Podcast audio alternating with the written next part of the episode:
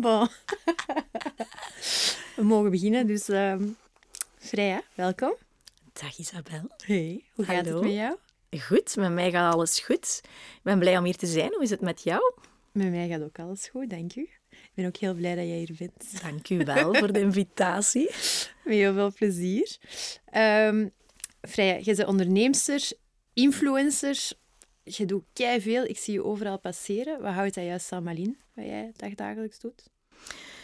Ehm, ja, ik zal... ehm goh, wat houdt het in? Eh, ik zal misschien gewoon even misschien wat meer vertellen over wie ik ben en wat ik doe. Ehm, ik, heb, ik ben eigenlijk al van bij het begin eh, van mijn carrière ben ik eigenlijk direct zelfstandige geworden, ondernemer geworden.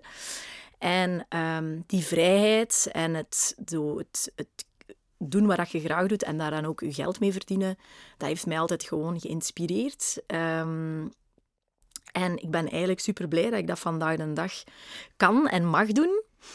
Ehm, en ik heb, ehm, ja, ik heb eigenlijk een kledingmerk, Tutu Chic.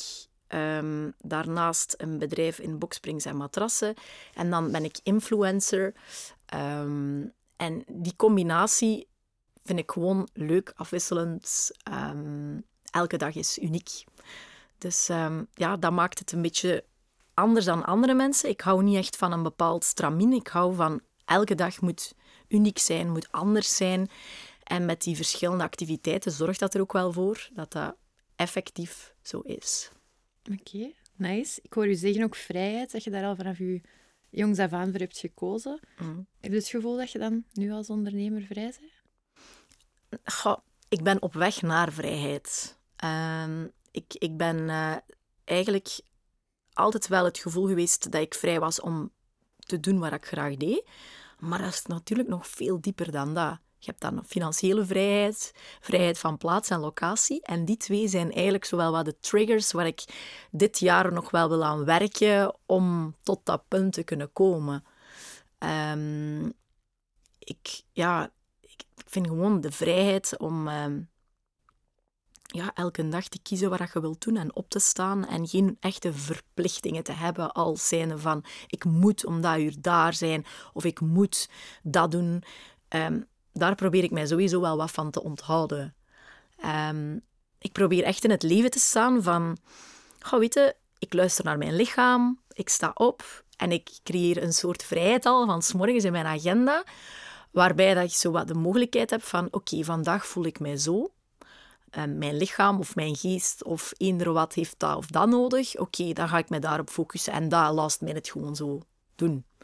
Dat kan zijn sporten, dat kan zijn eh, iets van, van eh, meditatie, eh, dat kan wat yoga zijn, dat kan wat stretchen zijn. Ehm, en door dat toe te passen, creëer ik wel een soort vrijheid in mijn leven. Nice. Ja, ik vind dat mooi, want ik denk dat heel veel mensen beginnen met ondernemen voor vrijheid, om dan toch niet zo vrij te zijn als dat ze zelf zouden willen. Nee, ben ik ook geweest. Hè. Ik heb ook een, een kooi gecreëerd door in de jaren van met waar je bezig bent en op alle opportunities die op je pad komen ja te zeggen en dan uiteindelijk in een net verstrengeld te geraken waar je gewoon geen uitweg in vindt.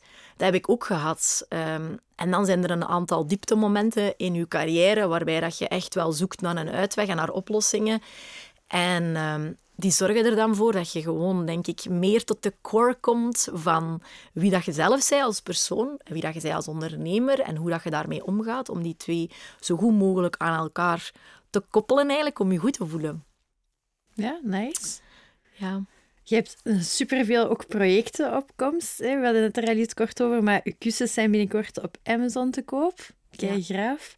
Binnenkort een pop-up in Maasmechelen. Je hebt ook juist een pand gekocht. Is dat je eerste eigendom? Ja, dat is mijn eerste. Ja, echt waar. Ik heb ehm, echt, dat was voor mij een stress om dat door te maken. Ehm, ja, ik ben ook nog maar net zo te weten gekomen dat dat is raar. Onder bewustzijn hè, heb je dan zo bepaalde angsten en dingen dat je eigenlijk niet echt beseft van, van waar komt dat of hoe. En ehm, mijn ouders hebben mij altijd eh, gesteund als ondernemer, omdat ze zelf ook ondernemer wel zijn in mijn familie. Maar dat kopen van een pand was zo ergens iets waar ze mij altijd wel wat van hebben tegengehouden. En ehm, ik vond dat heel moeilijk om dat los te laten. Omdat voor hen eigenlijk, denk ik, dat koop van een pand staat eigenlijk ergens met bepaalde verplichtingen. En dat is heel gek, want veel ouders zijn zo helemaal niet. Die hebben zoiets van, bakstenen kopen, weet je. Een baksteen is het beste investment dat je kunt doen en bla, bla, bla. En bij mij was dat helemaal andersom. Dus ik ben wel opgevoed in zo dat idee van vrijheid. Huren is vrijheid. Ja. En ehm, ja, omdat ik nu de bigger picture zie, omdat ik echt wel de vrijheid wil hebben om um, financiële vrijheid en al die zaken, um, had ik zoiets van, ja, was het ik toch al die jaren al huur te betalen? En dat was gewoon een very big thing. en dat was toch wel een hele uitdaging voor mij om dat aan te gaan en om... dat klinkt misschien heel raar als ondernemer die al zoveel gedaan heeft, dat dat juist een punt is, dat dat voor mij dan juist een soort struggle was om daar door te komen. Um, maar het is gelukt. Dus ik ben blij dat ik hier nu kan zeggen, het is gelukt. Want ik weet het nog maar een paar dagen dat het allemaal in orde komt. Zalig. En, Proficiat. Um, dank u wel. Groot grondbezitter. Ja. Begint met eentje, hè? Voilà. Ja, nee, maar ik zou zelfs eh, verschillende vierkante meters eigendom... Ik vind dat effectief. Ik begrijp helemaal van waar dat je komt. Uh, dat is voor mij ook een mindset. Uh, ja? Heb jij dat zelf dan ook zo? Ja, absoluut. Ik wil ook heel graag kopen. Ik merk ook dat ik in dat proces zit, mentaal, van dat te doen. En tegelijkertijd denk ik, oh nee, dat is gewoon veel jaren committen aan iets. Absoluut. Dus veel... En op zich kunt je dat ook direct terug verkopen. Dus dat is, dat is geen issue. Maar toch ergens dat idee van met een bank te zeggen... Ah ja, oké, okay, 15, 20, 25 jaar Um, ja, ik vind dat best wel spannend. Dat is heel ehm, spannend. Ja. Ja, want ik heb dan wel ook meegedaan aan dat tv-programma Huizenjagers. Omdat ik toen al eigenlijk zo aan het zoeken was van... Ah, ik ga mij een tof huis kopen en dan met kantoren en mogelijkheden daaraan. En dan gaat mijn budget groter zijn en dit en dat. Ik zag het allemaal heel groots. En dat is nu anderhalf jaar geleden, denk ik. Als je dan als ondernemer begint na te denken en als je dan gewoon tot bij jezelf komt, dan heb je zoiets van... Ga ik met zo'n groot huis doen? Allee, ik bedoel, ja, dat is heel tof, maar ik ben alleen. Ik bedoel, ik heb geen kinderen of zo.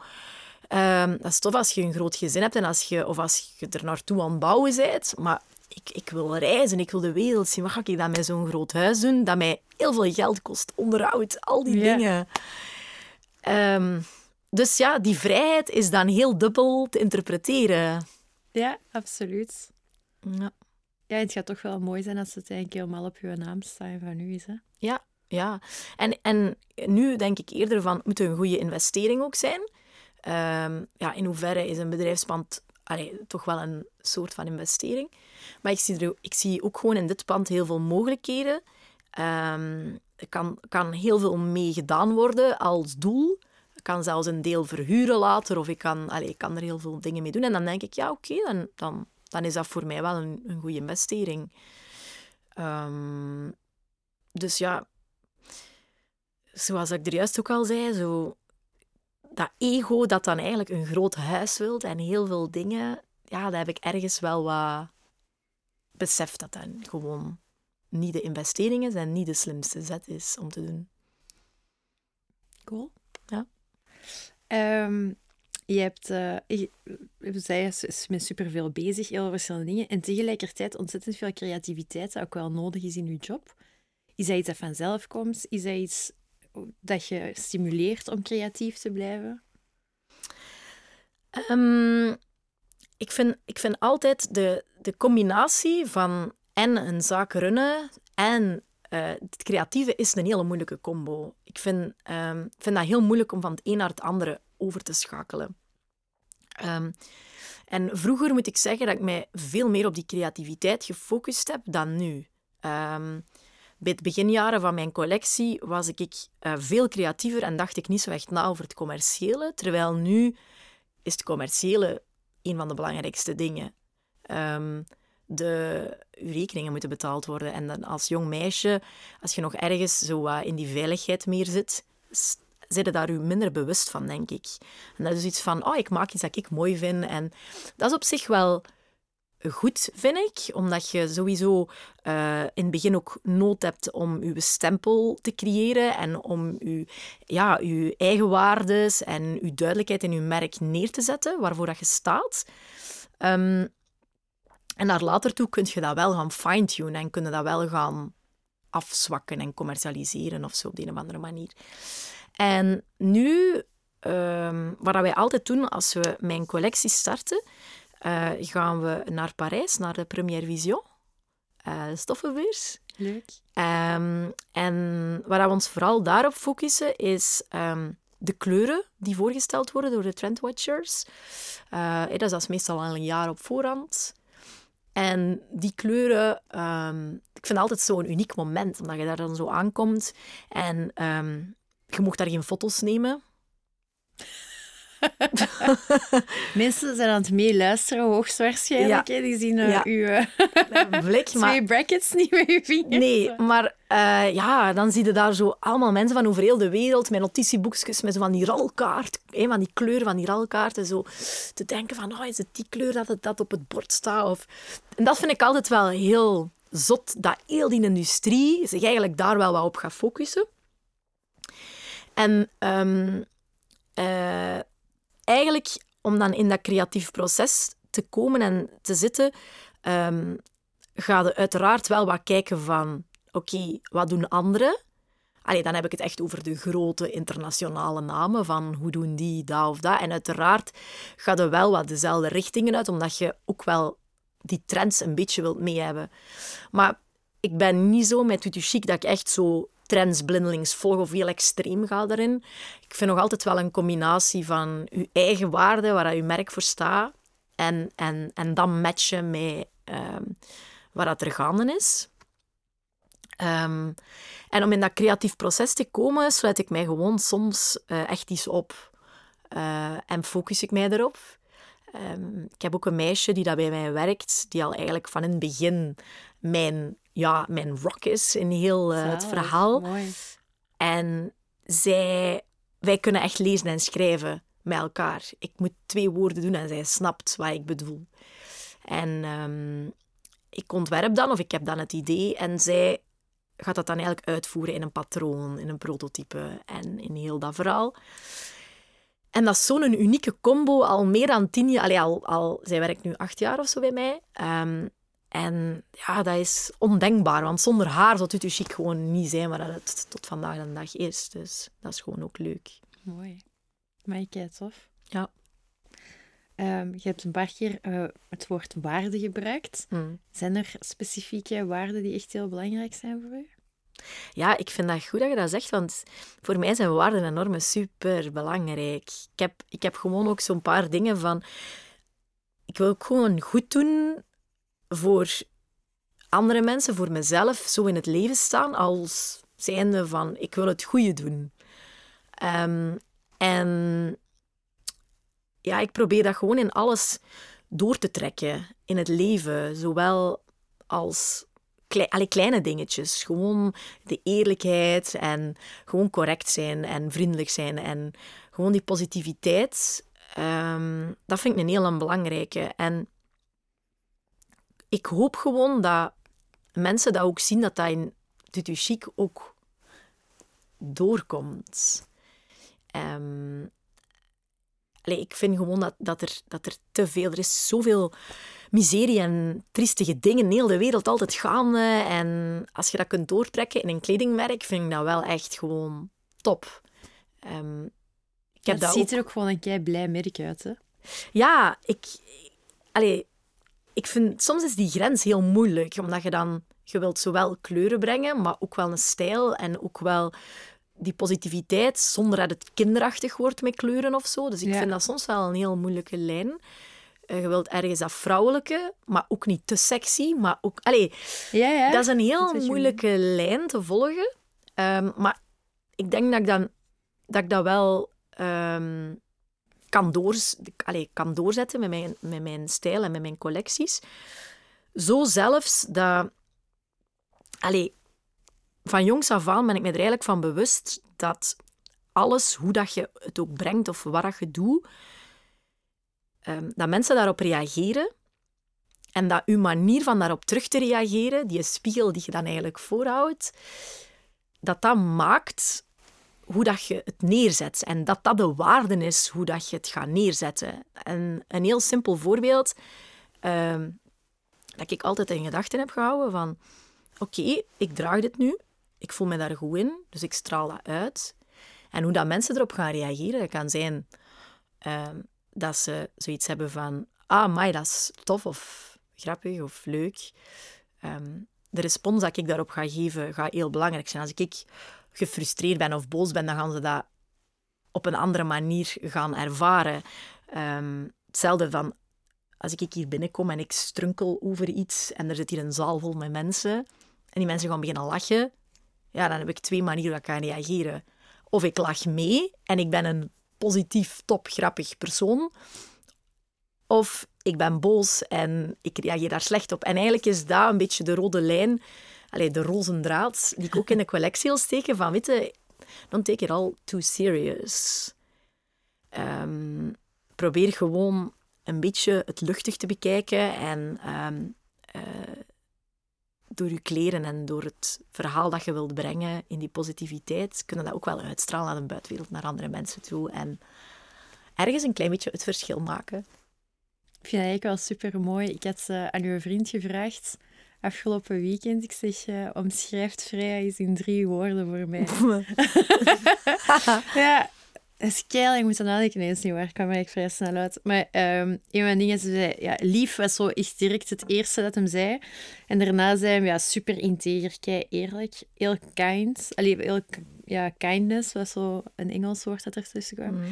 Um, wat dan geconnecteerd is aan lief waarschijnlijk. En heel positief. En wat ik wel heel cool vind om te horen, heel veel bedrijven ook zijn veel op zoek naar hun waarde. Mm. Terwijl dat toch heel dicht meestal ligt ook bij de ondernemer, uh, bij de mensen die leiding geven aan het bedrijf. En dat is wel heel tof om te horen dat dat dan ja, Yay. zeer uh, ja, gealineerd is. Hoor. Dat is wel mhm. plezant. Mm -hmm. Ja, um, uh, Allee, ik wil er een paar dingen over zeggen. Ik, ik um, vind dat eigenlijk grappig dat je dat zegt. Want um, we hebben het er gisteren ook over gehad. Over die woorden van omschrijf mij in drie woorden. Ik was met hem er ook over bezig. Uh, het is trouwens dankzij u dat we elkaar kennen, hè? Allee, ja, dat is wel, hè? Even een kleine tussendingen over onze geschiedenis. Maar het is wel zo. Uh, daar ben ik heel dankbaar voor. Met veel plezier. Uh, en het grappige is dat we er gisteren over bezig waren. En hij vroeg eerst aan mij van... Noem eens drie woorden op die, die je vindt dat ik ben. Ah, dat is kei grappig. Dat is zo typisch ja. William om dat zo aan te ja. pakken. Ja, ja. Dus, dus ik zeg zo drie ik woorden. Ik zie het al doen. En echt zo stilte. echt zo stilte. En ik zo, ja, dat zijn toch gewoon echt zo drie woorden dat ik vind dat je zijn. en ik had gezegd, um, ik had gezegd evenwichtig omdat ik vind, ja, wikken en wegen, weegschaal... Dat zeker, ja. Um, en dan had ik gezegd um, uh, eerlijk en mooi. Maar als zijnde mooi, als een mooi persoon. En hij zo, ja, maar dat is toch geen karakteristiek. En, um, en, hij, en ik zeg zo, vind het niet goed? En hij zo, ja, ja, ik weet niet, ja, ik vind het nogal algemeen. en... Dan uiteindelijk uh, vroeg ik aan hem, ik zeg, ja, wat zijn dan de drie bij mij? Ik vind het wel grappig dat jij dat nu zegt. Wat zijn dan eigenlijk de drie uh, bij mij? En hij zegt die. Dus hij zegt ook van uh, lief, um, ja, positief en ambitieus. Ja, ambitieus heeft hem ook nog gezegd. Ja, ja en ambitieus. En ik had ook zoiets van...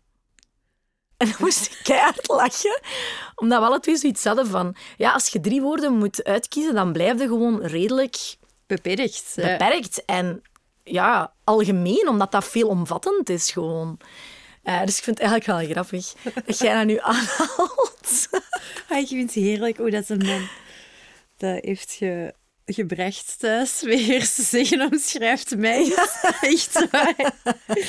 Uh, maar het is een gooike. Maar het zal wel zijn. uh, we hebben het juist over waarde gehad. Um, ik, ik zag passeren ook dat je een samenwerking hebt met Botanic Sanctuary. Kei mooi, ontzettend tof nieuw pand. Ik kan mij inbeelden dat er een heleboel opportuniteiten en projecten op je afkomen. Hoe bepaalde of dat je er eentje wel doet of niet doet? Vroeger zei ik op alles ja. Dan ehm, zei ik echt, dat was ik gewoon zoiets van, oh wauw, dit, oh wauw, dat, oh dit, zonder eigenlijk veel na te denken, zonder mij bewust te worden van tijd en beperking en al die dingen. En nu ehm, ben ik wel veel strikter daarmee geworden, omdat ik mij gewoon veel bewuster ben geworden van vooral tijd. Ik wil, ik, wil ook genoeg tijd hebben om mijzelf te ontplooien en om ook gewoon niet stil te staan bij de dingen. En vroeger deed ik dat gewoon niet. Dat was dan mijn moment dat ik in de auto zat en dan was ik zelfs aan het bellen. Dus dan had ik gewoon nooit een moment van stilte, rust of even zelfreflectie of zo. En nu ehm, denk ik gewoon van, oké, wat, wat, wat past er bij mij? Of um, wat zou, zou, ik dat, zou ik daar gaan? Zou ik dat gebruiken? Zou ik afhankelijk natuurlijk van product of plaats of dergelijke. Ehm, en als ik zelfs niet direct een win-win zie, dan zal ik wel proberen nadenken hoe dat, dat misschien wel zou een win-win kunnen zijn of worden met enkele aanpassingen. Ik ben wel heel creatief erin uh, om altijd wel ook naar oplossingen of mogelijkheden te kijken. Um, maar vooral ook als het gaat voor samenwerkingen als influencers. Um, ja, ik probeer wel echt mijn huiswerk te maken van echt ook te zoeken van past dat echt? Ga ik echt de moeite doen om daar naartoe te rijden, om naar daar te gaan, om dat te bespreken? Um, ik doe ook heel veel dingen wel gewoon gratis of in voor ruil of omdat uh, soms moet je, moet je dat gewoon ook doen. Hè? Je kunt niet voor alles verwachten dat, dat, dat er geld betaald wordt of dat daar iets tegenover staat. En het belangrijkste vind ik gewoon die authenticiteit. Uh, ja, en tegelijkertijd andersom vind ik het ook wel heel belangrijker dat mensen die creëren voor een merk mm. goed betaald worden. Mm -hmm. Want komen er vanuit een reclame-achtergrond ook mee, of wel agencies gezien hebben, spenderen merken heel veel aan uh, een reclame maken. Uh, en dan zie ik soms dat uh, content creators of influencers wat is in een name, dat die heel veel tijd erin steken, heel weinig betaald worden door een merk. En dan denk ik van, hmm, daar is iets voor mij toch wel ook... Allee, ik denk dat dat betaalfactor is ook voor... Allee, zou ik zelf toch ook een belangrijke vinden. Dat is ook een hele moeilijke. Um, er, weet je, er zijn gewoon een aantal influencers die uh, hun prijzen niet kennen. En die gewoon een, een te lage fee vragen of geen fee vragen, waardoor dat de grote merken die het kunnen betalen eigenlijk daar een beetje misbruik van maken. Ja. En ik denk gewoon dat elk project op zich moet bekeken worden. Ja. Je moet niet aan een starter of een klein, jong bedrijfje moeten niet dezelfde nee, fees gaan vragen dan een multinational bijvoorbeeld. Maar um, ik werk eigenlijk wel nauw samen met een aantal PR-kantoren uh, en er zijn er een aantal van dat echt wel de zaakvoerders of, of mensen dat er werken, zo echt wel al wat closer friends zijn geworden. En dan ga je ook automatisch wel gewoon ook dingen doen, omdat je die mensen ook gewoon ook graag hebt. Ja. Uh, het moet natuurlijk wel in je verhaal passen, maar dat weten zij ook. En dat is voor dat merk hetzelfde, hè? Exact, exact. En ik vind gewoon ook, het fijnste is gewoon ook om samen te werken met merken die uh, van in het begin een soort vertrouwen hebben en die gewoon zeggen van, kijk, dit zijn heel korte richtlijnen, dit is ons product, het zijn heel korte richtlijnen, we zouden graag hebben dat je het in de kijker zet op uw manier en doet er uw ding mee. Dat is gewoon het leukste. Um, waar ik de laatste tijd wel meer begin te doen, is als er um, een PR-kantoor uh, bepaalde merken heeft waar ze mee werken, dan probeer ik nu wel af en toe een voorstel ook te doen zelf. Van, kijk, uh, dit zijn bijvoorbeeld een aantal inspiratiebeelden, wat ik zou kunnen doen daarmee. Um, ik ga daar natuurlijk wel mijn tijd en energie in steken. Ik wil dat ook met een fotograaf doen of op die of die manier een leuke reel maken. Uh, kunnen dat voorstellen aan uw klant. dat ben ik nu wel meer en meer aan het doen.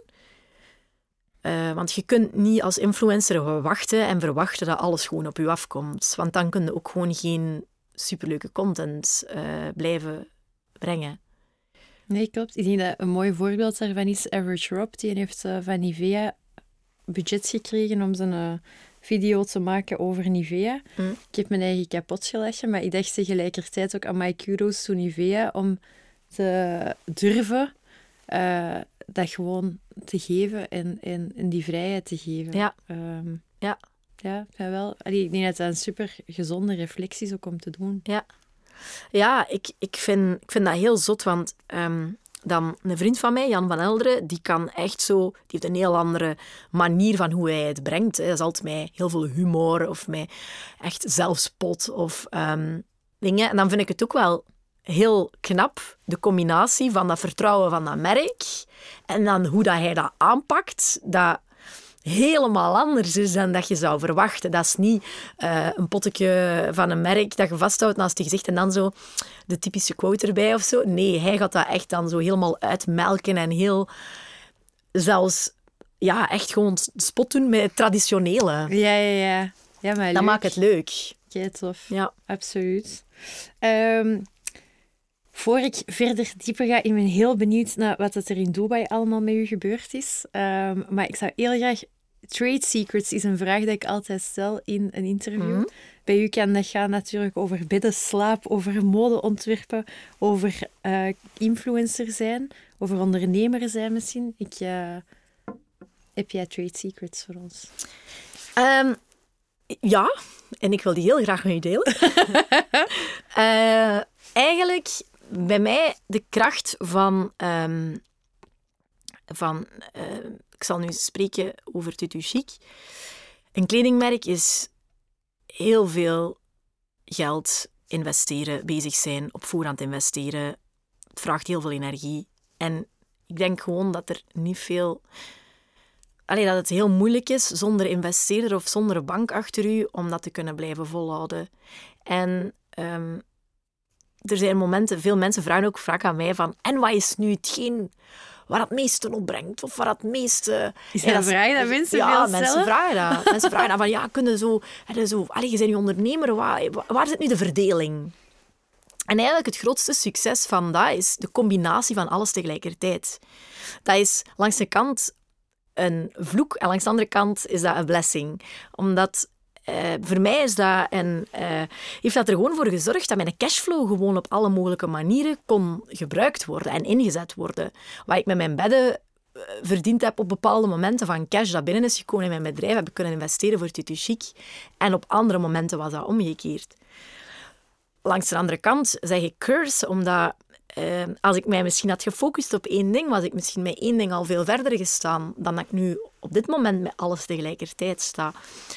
Maar um, ik vind persoonlijk, moest ik het opnieuw doen, denk ik dat ik, dat dat ik niet veel anders zou doen. Um, ik heb gewoon wel heel hard gewoon altijd gewerkt. Ja, drie dingen, twee, drie dingen tegelijkertijd runnen was, was, is op bepaalde momenten heel, heel zwaar ook geweest. Uh, heb ik echt wel delen van mijn leven gemist. Um, en ja, dat is misschien wel iets dat ik misschien wel wat anders zou doen om het anders te plannen of zo, ik weet niet. Maar dat is wel een, een voornamelijk ding, die cashflow, zonder eigenlijk investeerders aan te trekken. Uh, ben ik ook altijd in die vrijheid blijven staan, om daardoor ook mijn eigen beslissingen te maken. Ik heb uh, twee keer uh, bijna op het punt gestaan om met een investeerder in aan, aandelen dan eigenlijk te gaan ja, geven. Hè. Um, dan ging het wel voor, voornamelijk over smart capital, omdat ik echt wel mensen wil aantrekken die daar een meerwaarde ook voor mij zouden brengen om te groeien. Niet specifiek voor het geld. En uiteindelijk, last minute, heb ik het elke keer toch niet gedaan. En achteraf gekeken ben ik er wel eigenlijk heel blij om, omdat dat ervoor gezorgd heeft dat ik ook weer, nu weer, die vrijheid anders niet zou kunnen hebben gehad. En misschien had ik dan Allee, ik heb dan zes maanden in Dubai gezeten. Ja, dat had nooit gegaan als ik, als ik een investeerder in mijn bedrijf had. Die zou gezegd hebben, wat zit jij daar te doen? Of die cijfers zijn heel de tijd in druk. Ik heb altijd gewoon een beetje gedaan waar ik mij goed bij voelde. Dus dat is eigenlijk uh, voor mij ideaal. En um, om een andere tip nog te geven. Uh, ik, ben, ik ben al, ik denk van bij het begin op Instagram. Ehm, dat was een moment ja, dat, niet veel mensen dat nog niet hadden. En de combinatie om, hey, om Tutu Chic neer te zetten toen was uiteraard anders en ergens ook wel makkelijker dan dat het nu is. En als ik ga kijken, merk ik dat, dat was natuurlijk voor mijn bekendheid met tv en al die zaken, was dat op een heel andere manier.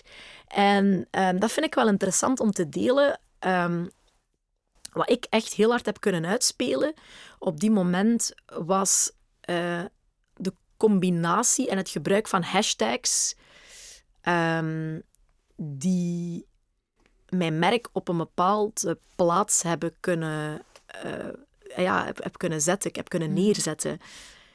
Uh, bijvoorbeeld, um, ik had dan een outfit aan, ik deed dan schoenen aan van een merk. Of ik combineerde het met een jasje van een, van een duur merk. Waardoor dat ik mij duidelijk positioneerde daar. En door dan heel attractief en heel veel bezig te zijn met mensen te liken, te volgen, die daar ook interesse voor hadden, kreeg ik heel snel eigenlijk een heel grote internationale uh, bekendheid toen. Uh, natuurlijk met Pink Ambition en alles met tv is dat dan heel Belgisch en Vlaams beginnen groeien. Maar eigenlijk daarvoor was ik heel actief internationaal met Tutu Chic. En kreeg ik bestellingen voor ons nits van over heel de wereld. En dat kwam echt door Instagram. Ja, nice. Dus ik denk, natuurlijk nu is het allemaal zo groot en zo algemeen geworden, dat echt dat specifiek zoeken naar bepaalde profielen en mensen en uw klanten eigenlijk te gaan triggeren, is moeilijker geworden. Want er is gewoon er is gewoon te veel en het is gewoon moeilijk. Maar op de een of andere manier denk ik wel als jong merk of als jong label, als er mensen zouden luisteren, denk ik wel dat dat nog altijd wel een heel interessante piste is om, uh, om daarin te gaan, om, om je authenticiteit zo neer te zetten. Ja, ik denk sowieso. Allee, personal brand.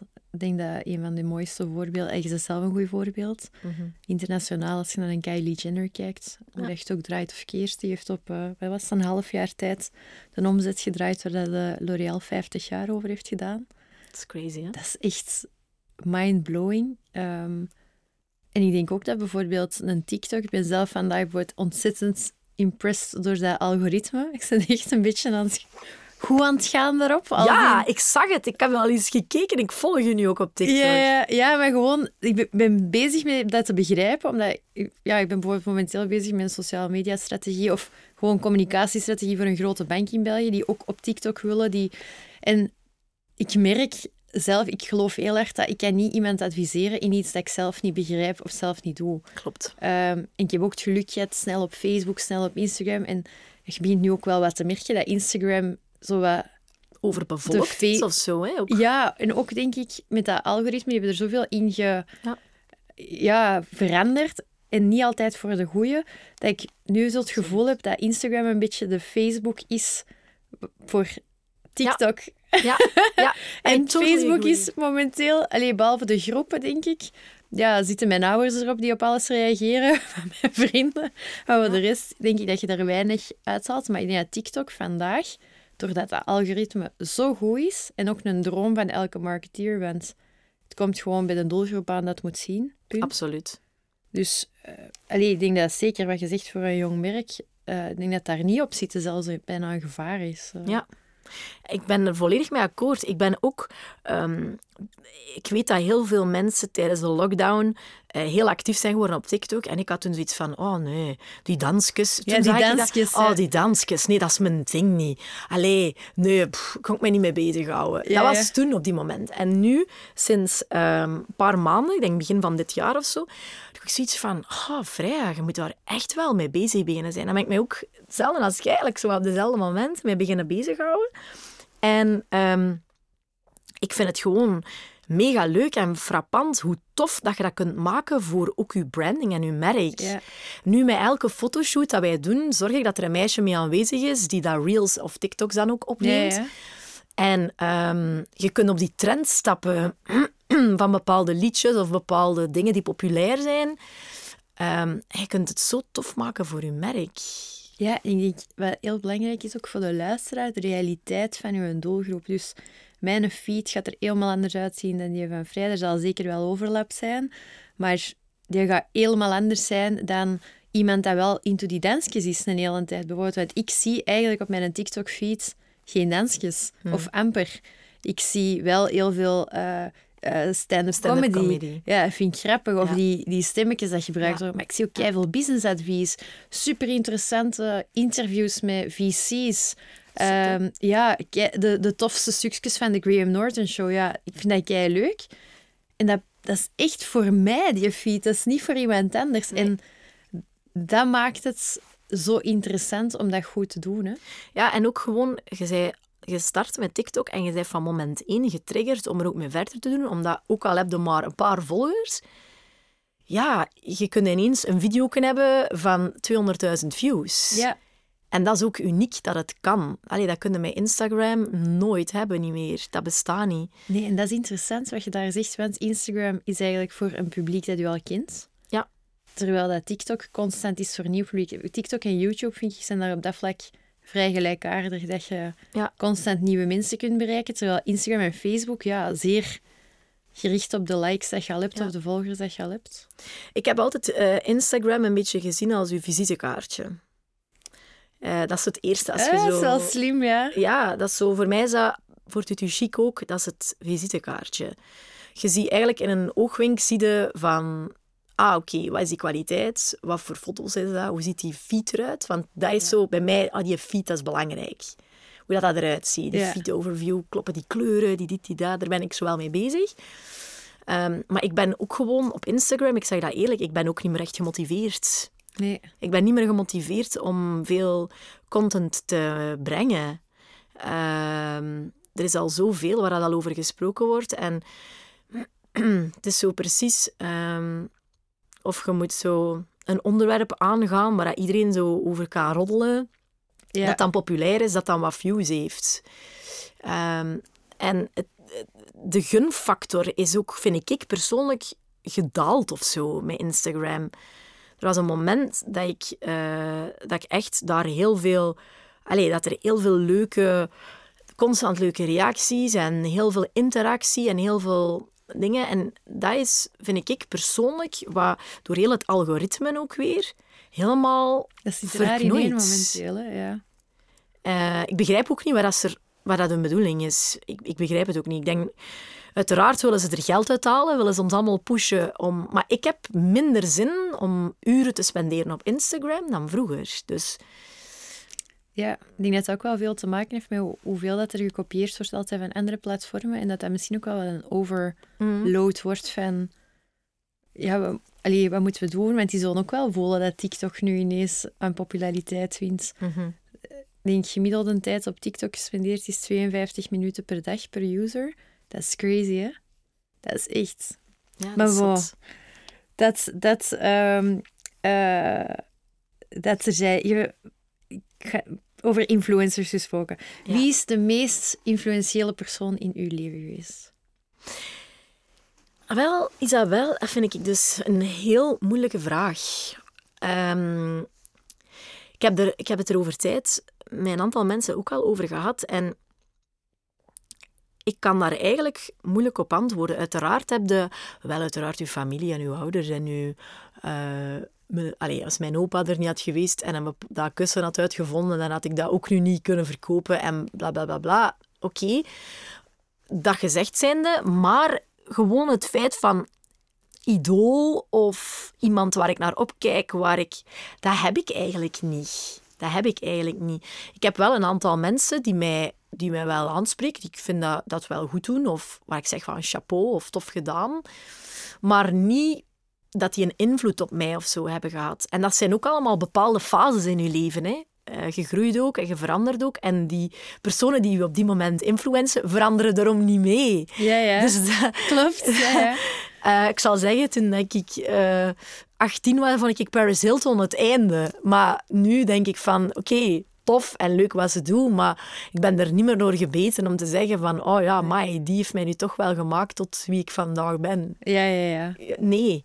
Ehm, ik, vind dat, ik vind dat heel moeilijk. Ehm, ik heb daar eigenlijk geen echt antwoord op. Ik vind het heel mooi. Ooit iemand heeft mij verteld dat, omdat je zegt van idolen op een pedestal zetten. Iemand heeft mij ooit verteld dat als je iemand anders op een pedestal zet, kan er maar twee dingen gebeuren. Eén, ofwel vallen die eraf, ofwel kijken die naar beneden. Terwijl dat eigenlijk is het mooi als je gewoon iedereen gelijk in de ogen kunt kijken. En ik vind dat heel... Uh, ik een heel goed antwoord.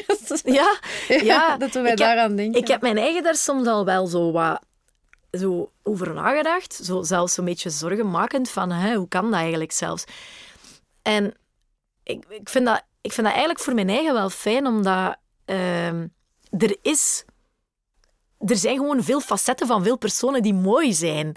En daarom is niet alles aan die persoon iets van, ah, die inspireert mij op alle vlakken. Of op, dat zijn gewoon bepaalde stukken van, van, van karakteristieke persoonlijkheden, van dingen dat die doen, neerzetten, dat knap zijn. Um, maar om, om dan te zeggen, die heeft een hele grote invloed op mij, niet per se. Uh, ik heb bijvoorbeeld...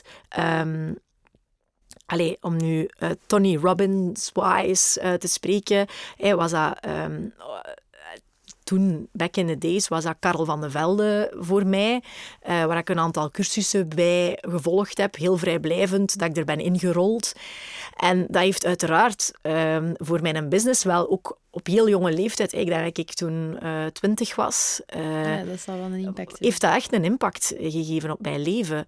Um, maar ook ja, er zijn heel veel gebeurtenissen dat u vandaag de dag, dat ik soms nadenk van, oh wauw, dat heeft er eigenlijk voor gezorgd dat ik zo ben of zo ben geworden. En dan is dat niet specifiek één persoon, maar dan kan dat ook gewoon een gebeurtenis zijn geweest. Hè. Ehm, ah, ik heb het u er net nog verteld, hè. mijn vader heeft bijvoorbeeld een auto-accident gehad. Ik was één jaar, ik was nog een baby. Um, ja, dat heeft er uiteraard voor gezorgd dat ik veel zelfstandiger in het leven heb moeten staan en dat ik op veel vlakken heeft mijn vader altijd gezegd van uh, kom aan, hey, uh, do it. Like, uh, zorg dat je als vrouw je eigen boontjes dopt en dat je niet afhankelijk bent van een man, omdat ergens misschien voor hem ook dat hij mij die veiligheid op veel vlakken, het gevoel had dat hij mij die minder kon geven, waardoor dat hij zoiets had van kom aan, dan moet je manneke staan. En ja, um, zo zijn er honderden dingen die, ja, ja, ja. die, die u maken wie dat je bent. Ja. ja. Stel, uh, een mooie uh, doorloop een van de vragen die ik ook wel had, was van ja, voor ondernemen, dat vraagt best wel wat mannelijke energie. Uh, en we bestaan uit mannelijke en vrouwelijke energie, hoe dat je het ook draait of keert. En voor mij zit een prachtige vrouw, die dat ook heel veel vrouwelijke energie maar geeft. heel mannelijk is. Ja, maar dus... Ja, maar ik, I love it, hè, want ik ga heel eerlijk zijn, er zijn heel veel momenten dat ik kijk naar uh, een, een filmpje of zo dat passeert en dan had jij je wimperzoon of wat dan ook, en dan denk ik van, ah ja, ja dat is een goed idee, ik kan dat ook laten doen.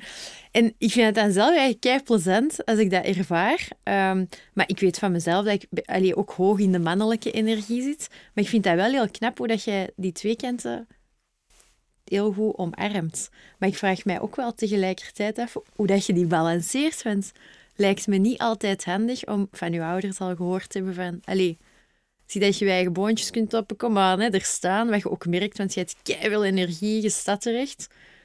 Ja, merkte dat zelf soms dat dat een moeilijke balans is? Of?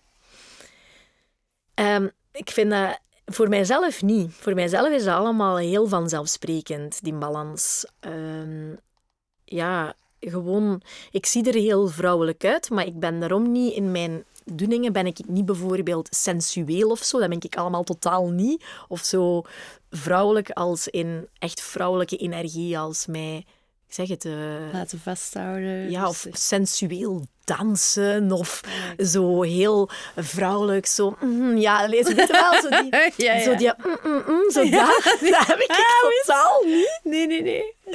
Dat heb ik totaal niet. Uh, maar dat is dan... Ja, de, de, mijn uiterlijk is dan wel heel vrouwelijk. En mijn stijl is ook wel redelijk vrouwelijk. Mm -hmm. Uh, en eigenlijk, de combinatie, dat is eigenlijk zo'n beetje dat, dat typische Legally Blonde verhaal, hè, die film. Ja, ja. Dat is eigenlijk zo automatisch wel een beetje dat. Die vooroordelen van de maatschappij van...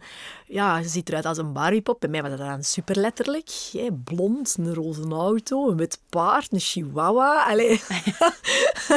ja, ik bedoel... Jij was echt gewoon de boodschappenlijst afgegaan. ja, zo van, what do I need more? Like, een wit paard. een wit paard.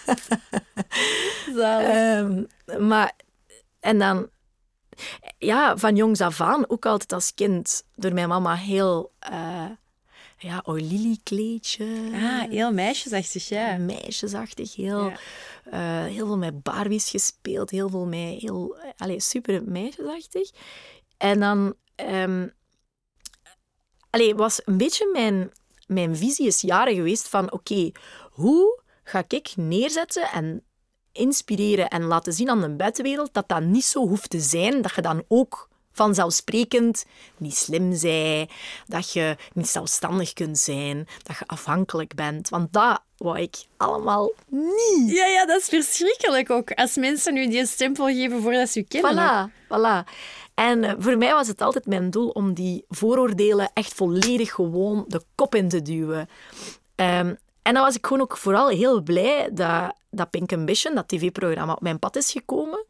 Dat die mij gevraagd hebben. En voor mij was dat zo van, yes, eindelijk een grootschalige manier om te laten zien aan de buitenwereld hoe het kan. Niet door om mij specifiek te laten zien, maar om die meisjes te inspireren van, uh, het kan wel, weet je wel. Uh, en, en daarvoor had ik eerder altijd zoiets van, oké, hoe ga ik nu duidelijk maken dat um, hetgeen dat ik neergezet heb, dat ik dat niet van mijn ouders heb gekregen. Dat dat iets is waar ik zelf voor gewerkt heb. En die drijfveer was altijd zo heel belangrijk in heel mijn verhaal. En na Pink Ambition was dat eigenlijk heel aangenaam, omdat ik dat dan eindelijk van mij af kon zetten, dat dat niet meer nodig was om mij te bewijzen. Dat was oké. Ja. En dat was echt een verademing voor mij. Dat dat, dat, dat, dat dat er was en dat ergens de buitenwereld dat kon zien en weten door social media. En dat dat niet meer nodig was om mij daarin duidelijk te maken. Ja. Um, ja dat is wel een belangrijk facet in mijn leven geweest. Nice. Ja. Je zei tijdens, um, ik vernoemde het er juist al, je tijdens uh, COVID naar Dubai getrokken. Mm -hmm. Is er een verschil tussen de vrije voor Dubai en de vrije na Dubai? Ja, ik denk dat jij dat ook wel, wel een beetje zo wel zult weten. En ik, ik vind dat zelfs heel gek, want als ik nu naar foto's scroll, hè, van de week had ik dat nog, als ik dan naar foto's scroll, of ik wil nog eens kijken naar iets dat ik bijvoorbeeld aan had toen, en dat ik, dat, ik was dan bezig met een closet sale. En dan dacht ik, oh, ik had dat toen aan, ik ga dat daarop zetten. En dan kijk ik naar die foto en dan denk ik van, wow, it was like a total different me. Like, ook fysiek, maar ook gewoon uh, hoe ik ergens wel... Ik ben wel wie dat ik ben. Er is niet, ik ben niet veranderd in... Uh, waarden en normen zijn hetzelfde gebleven. Maar um, eh, op de meest oppervlakkige plaats, denk ik, in de wereld, yeah. waar dat alles fake is, like boobs, tits, like alles, lippen, uh, de palmbomen, het gras, de dingen. Alleen waar eigenlijk er zijn alles van de week tegen mij, waar, dat de, waar dat er veel vrouwen op restaurant zitten met een, dingen, met een, uh, met een kaartlezer in hun handtas. Ja. Want je zit daar ook zo heel veel escortes en zo. Uh. Ah, ja, ja, vol eigenlijk op die plaats ben ik mijn eigen tegengekomen. En dat is eigenlijk gewoon zo... zo contradictorisch. Mega contradictorisch. Ja. Uh, en, maar ik, ik begrijp het ook waarom. Ik heb er wel even tijd voor gehad om dat in te zien, van hoe dat, dat juist komt. Maar heel de wereld was gesloten, om het zo te zeggen. Um, ik was op die moment single en ik zat thuis en ik had zoiets van, wat het hier te doen? Ik ben naar daar getrokken. Uh, het leven was daar fijn, leuk. Um, en je bent daar volledig los van al uw normale dingen. De mensen rondom u vallen weg. Ik kan een beetje hetzelfde als uw solo, hè? Ja. Maar dan niet in een tent en op een berg, maar in Dubai. Dus een klein verschil. Verschilletje.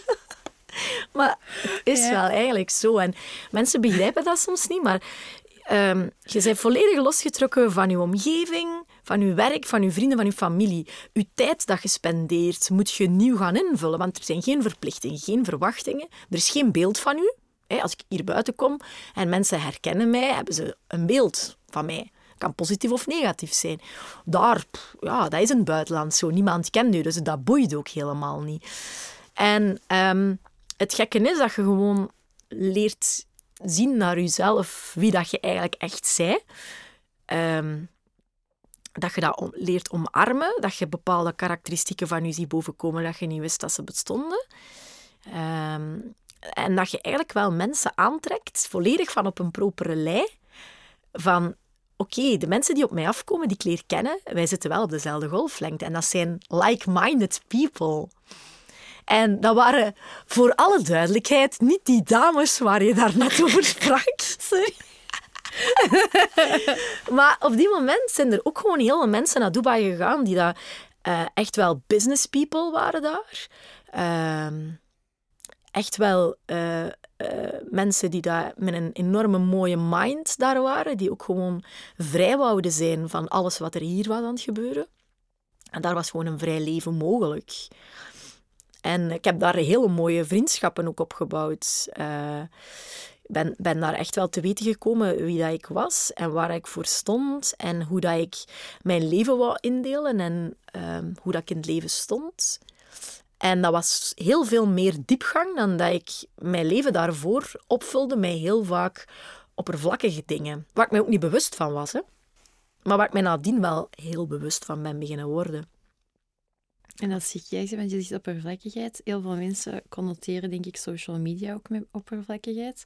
Wordt vandaag meer en meer gepolariseerd. Ook van, je moet een mening hebben. Uh, en het moet liefst uh, helemaal links of helemaal rechts zijn, maar in het midden of grijs uh, liever niet.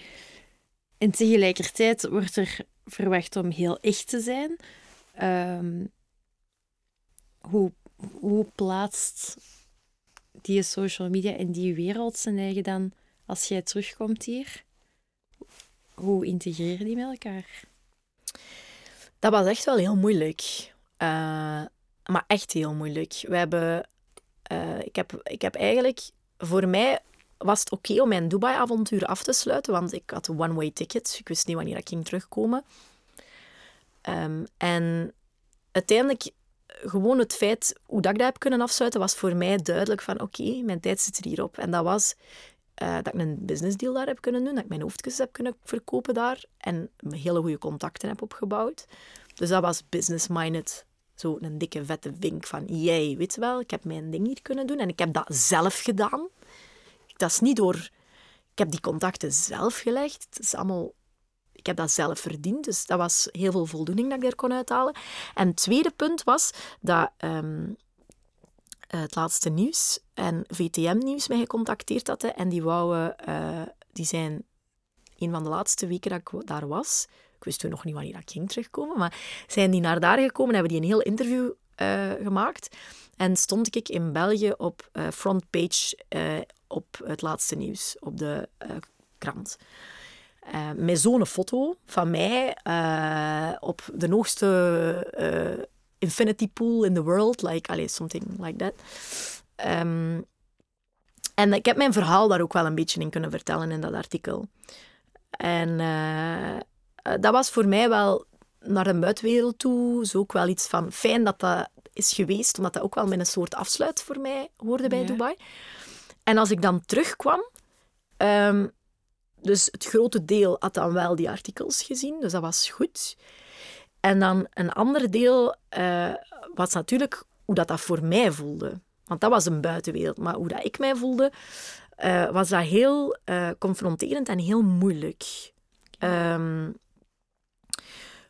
vooral omdat je hebt je gewoontes en je vrienden die je dan heel lang gemist hebben, die je wel willen terugzien.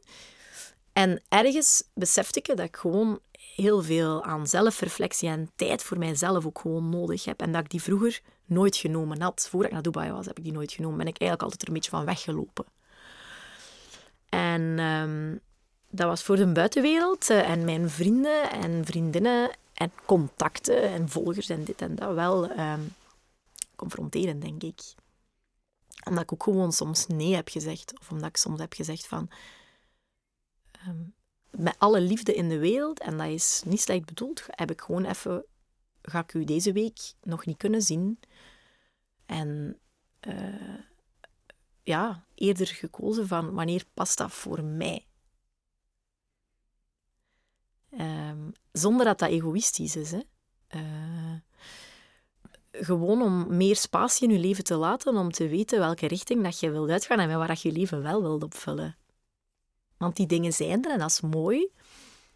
Ehm, maar daarom zitten we in die gewoontes en zitten we in, die vaste, in dat vast stramien van bepaalde groepen, van social media. Ehm, en soms is dat voor mij gewoon nu ook te oppervlakkig geworden. En die diepgang brengen op social media vraagt wel heel veel energie. En dan merk ik nu ook wel dat, uh, ofwel heb ik die energie en die tijd, en dan wil ik heel diepgaande bepaalde dingen wel delen. Maar zonder een heel expliciet links of rechts standpunt in te nemen. Omdat ik eigenlijk wel hou van een bepaalde neutraliteit en een bepaalde positiviteit brengen. En mij maakt dat niet uit of dat, dat links of rechts is.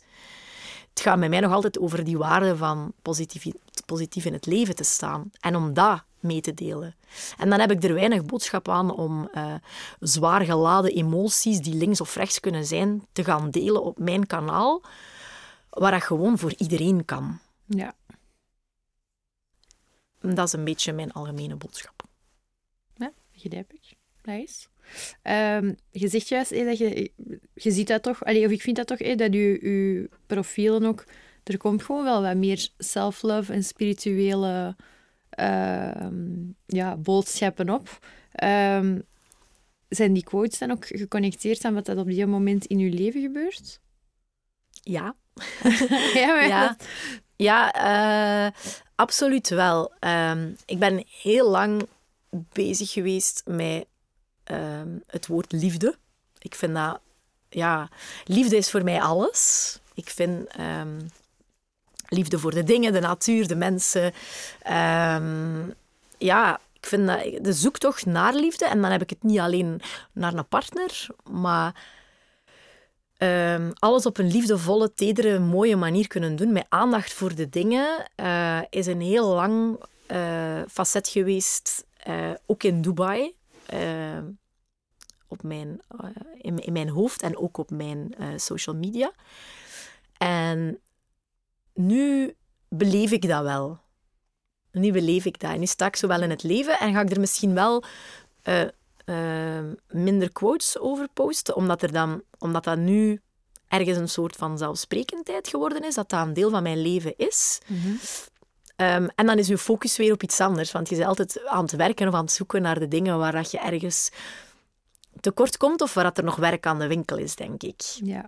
Maar um, uh, ik had al wel veel oog ook voor natuur en um, de liefde voor eh, je omgeving. En dat was altijd wel aanwezig bij mij, maar daar ben ik nog meer mee bewust gaan van worden. En uh, ja, dat kan, dat kan heel simpel zijn, maar gewoon erbij stilstaan van wauw, hoe mooi zijn die blaren van die boom. Allee, ik bedoel, dat is toch echt een kunstwerk, hoe dat, dat er zo uitziet en u daar bewust van zijn en zo. Dat is mindblowing, hè? Dat is, Dan denk je van, wat voor een zotte ingenieur heeft dat gewoon gemaakt? Wauw. En wat interessant is dat veel ingenieurs kijken naar de natuur om dingen te maken. Ja. Zoals velcro en zo, dus ik vind dat altijd... Uh... Ja, ja. ja. Daar kunnen wij allemaal zoveel van leren. Die kleuren van de herfst, van de, van de bloemen, van allee, alles. Um, ik, vind, ik, vind dat, ja, ik vind dat fantastisch als je dat ziet. Daar kunnen we alleen maar van leren. Absoluut. Weet je, voor mij ook nog een mindblowing ding was, omdat je nu zegt, hè, blaren en... Denk aan de, de, de gemiddelde boom, zeg maar. Als je die nu zou omdraaien, waaruit je stem van, van boven, komt, hè, dan dat is echt gewoon hetzelfde als een long. Dat is gewoon een long. Dat is tot aan de tekstjes, eh, tot aan de blaadjes. Dat is echt gewoon exact wat een long is.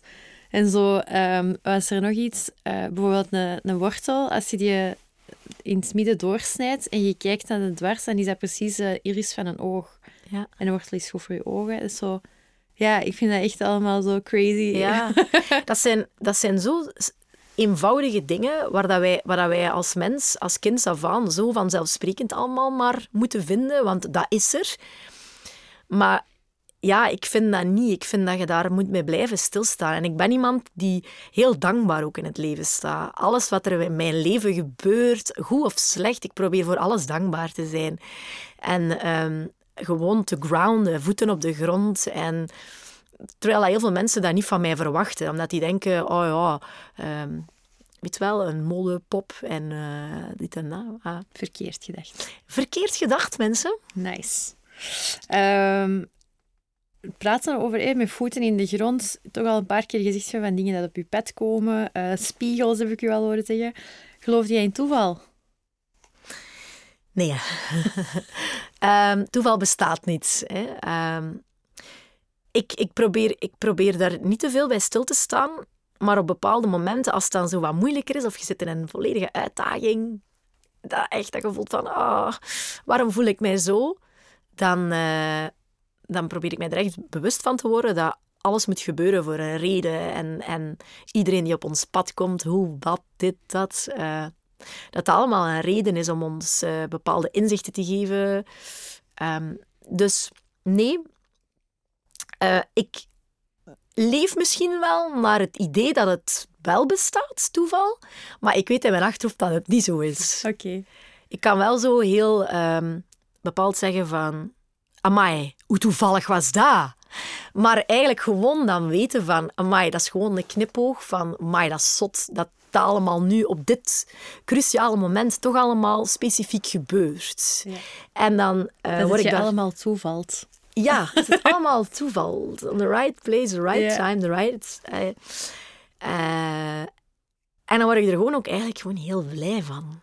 En dan voel ik die die overgave van een warm, liefdevol gevoel dat mij super vrolijk maakt. En dan denk ik van, goh, weet, het moet allemaal zo zijn.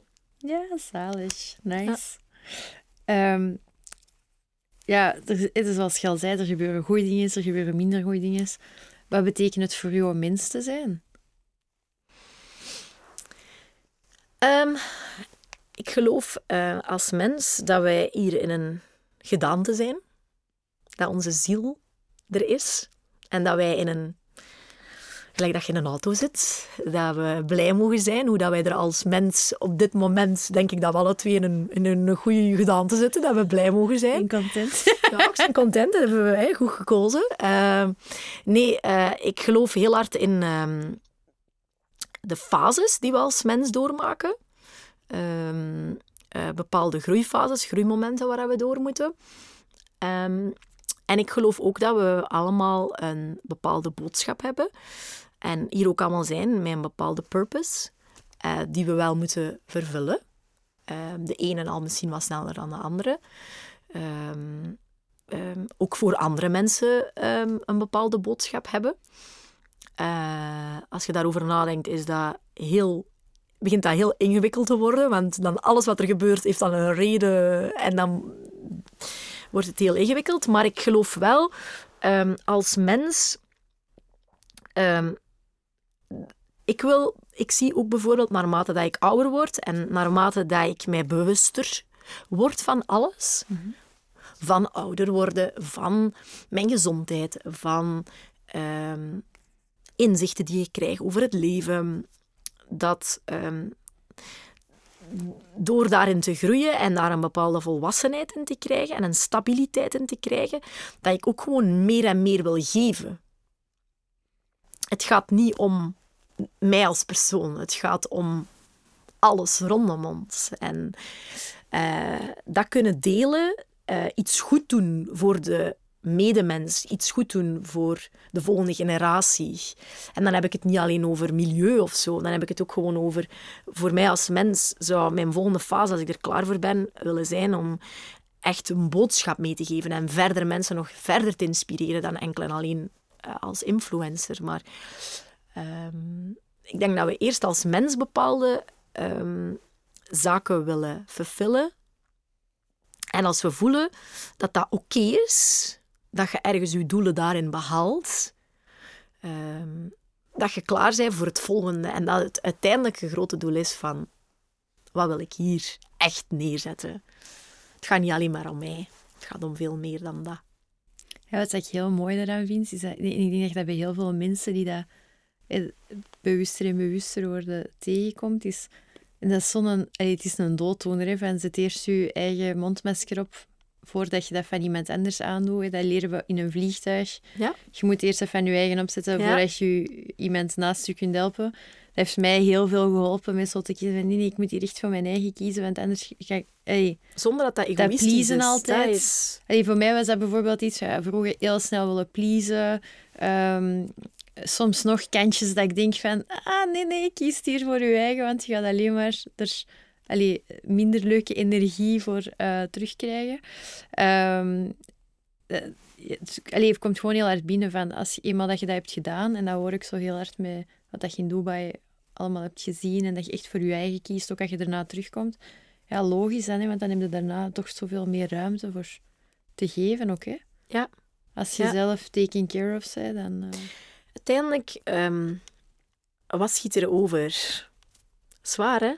Er, het is niet dat je alles kunt meepakken in je kist. Of, of, Nee. allee, als je, als je, en het kan van vandaag op morgen zijn. En het besef dat je dan gewoon goed in het leven staat, dat je met je voeten stabiel op de grond staat, dat je weet waarvoor dat je staat, eh, dat je weet dat je je eigen niets kunt kwalijk nemen in het leven, want dat is ook gewoon belangrijk. Geen schuldgevoelens, geen what-if situations. Dat je gewoon vrede kunt hebben.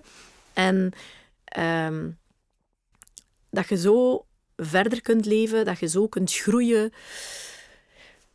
Ja, ehm, dan weten we ook dat al die pietlulligheden waar dat wij ons druk om maken, allee, waar ik mij vorige week druk in heb gemaakt, dat ben ik nu al vergeten. Dan besef je pas hoe momentopnamegevoel dat dat is. Maar dat Ehm, vind ik wel een mooie. Ik weet niet van wie dat komt, maar eh, iemand zei, als over vijf jaar geen minuut van uw tijd eh, zou mogen kosten, dan moet dat vandaag ook niet. Mhm, En dat vond ik wel een hele sterk gevoel, dat, dat te kunnen... Beseffen. Ja, en zo wat te kunnen forwarden of te projecteren op. Maar ja, als ik mij hier nu druk in maak, dat heeft zo totaal, Mhm. totaal geen zin. Kijk, ik denk dat alle ehm, materiële zaken zijn leuk. Dat is tof. Maar als je ze begint te hebben, begint je echt te beseffen... They're not the big things in life. It's just the mini small things. En ehm, het, gaat, het gaat om zoveel meer dan dat. En als je gewoon in je mind kunt opnemen dat ze niets kunnen afnemen, alleen je gezondheid, eh, maar dat voor de rest, zelfs de mensen rondom u, als die weggenomen worden, dat uiteindelijk, je komt alleen op de wereld en je sterft alleen. Je kunt alleen maar zorgen dat je een een leuke journey hebt hier, dat je hier zij. Ehm, en dat gevoel geeft mij heel veel rust. En als je gewoon goed met jezelf staat en alleen kunt zijn, dan moet je ook geen angsten meer hebben voor niks. Nee, zeg, en we vliegen hier rond tegen god hoeveel kilometers, duizenden kilometers per uur op een stukje grot, water, steen en, eh, en zand. Dus eh, het is al heel zot, hè? Zwaar. Ja, zwaar. En ziet ons hier rustig zitten. Ehm, ik eh, denk dat wat je zei ook hè, van schuldgevoelens en die what if, ik denk dat dat echt in een top 10 staat of zo van mensen hun grootste spijt. Juist voordat ze overli- overlijden. En ook dat ze graag liever hadden willen zijn voor andere mensen. Dus mooi Ja. dat je dat al zo jong mocht ervaren, denk ik dan. Hè? Allee, of dat bewustzijn kunt hebben. Hè? Ja. Ehm, ik begrijp soms niet waarom dat mensen zo vasthangen aan bepaalde patronen in hun leven. Veranderen is moeilijk, hè? Ja. Want zelfs, allee, ik denk dat zelfs als je bewust met eh, leven bezig bent, ehm, ik krijg ook, als ik merk dat ik in een patroon vastzit of wat dan ook, als ik dan een andere keuze maak, dat geeft mij ook nog altijd anxiety. Allee, of weet, dat geeft mij nog altijd van, ah, fuck, fuck, fuck, ik hier iets aan het veranderen, dat is niet leuk, maar ik moet echt volhouden. Ja. Eh, maar dat is dan al vanuit een ding van, oké, ja, ik vind het oké om mijn eigen in discomfort te plaatsen, maar ik denk, veranderen is echt iets dat je zelf moet vullen, want anders dan... Nee. Je moet het doormaken zelf. Ja, lukt Die dat reis moet je zelf doormaken. Voilà.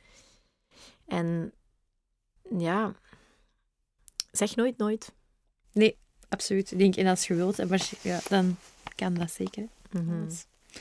Ehm, we hebben al veel gepraat over, iets, eh, over dingen dat u ehm, eh, inspireren.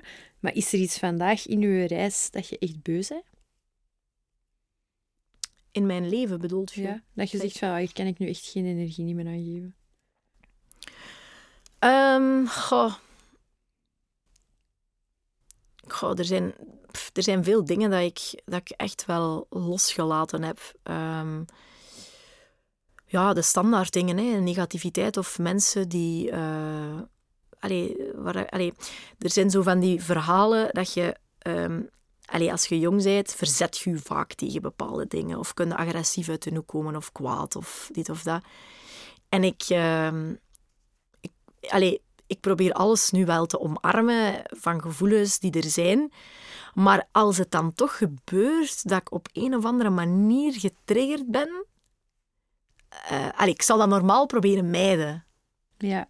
Maar eigenlijk is het wel nog spannend als het gebeurt. Als er zoiets... Uh, ja, ik had over tijd... Um, wat was dat nu weer? Oh, ik was zo helemaal...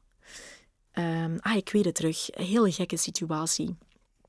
Um, ik was... Uh, ik had een heel vermoeiende week gehad. Maar echt ik was een beetje, ik was echt door een aantal, allez, wel angstige periodes gegaan. En, uh, en ik, ik ging naar mijn, naar mijn eigen huis, hè, want ik ben veel bij William ook natuurlijk. Maar ik ging naar mijn eigen huis en um, ik um, kom daaraan, het was redelijk laat s'avonds, en de chauffage ging niet. Het was nog vrij koud.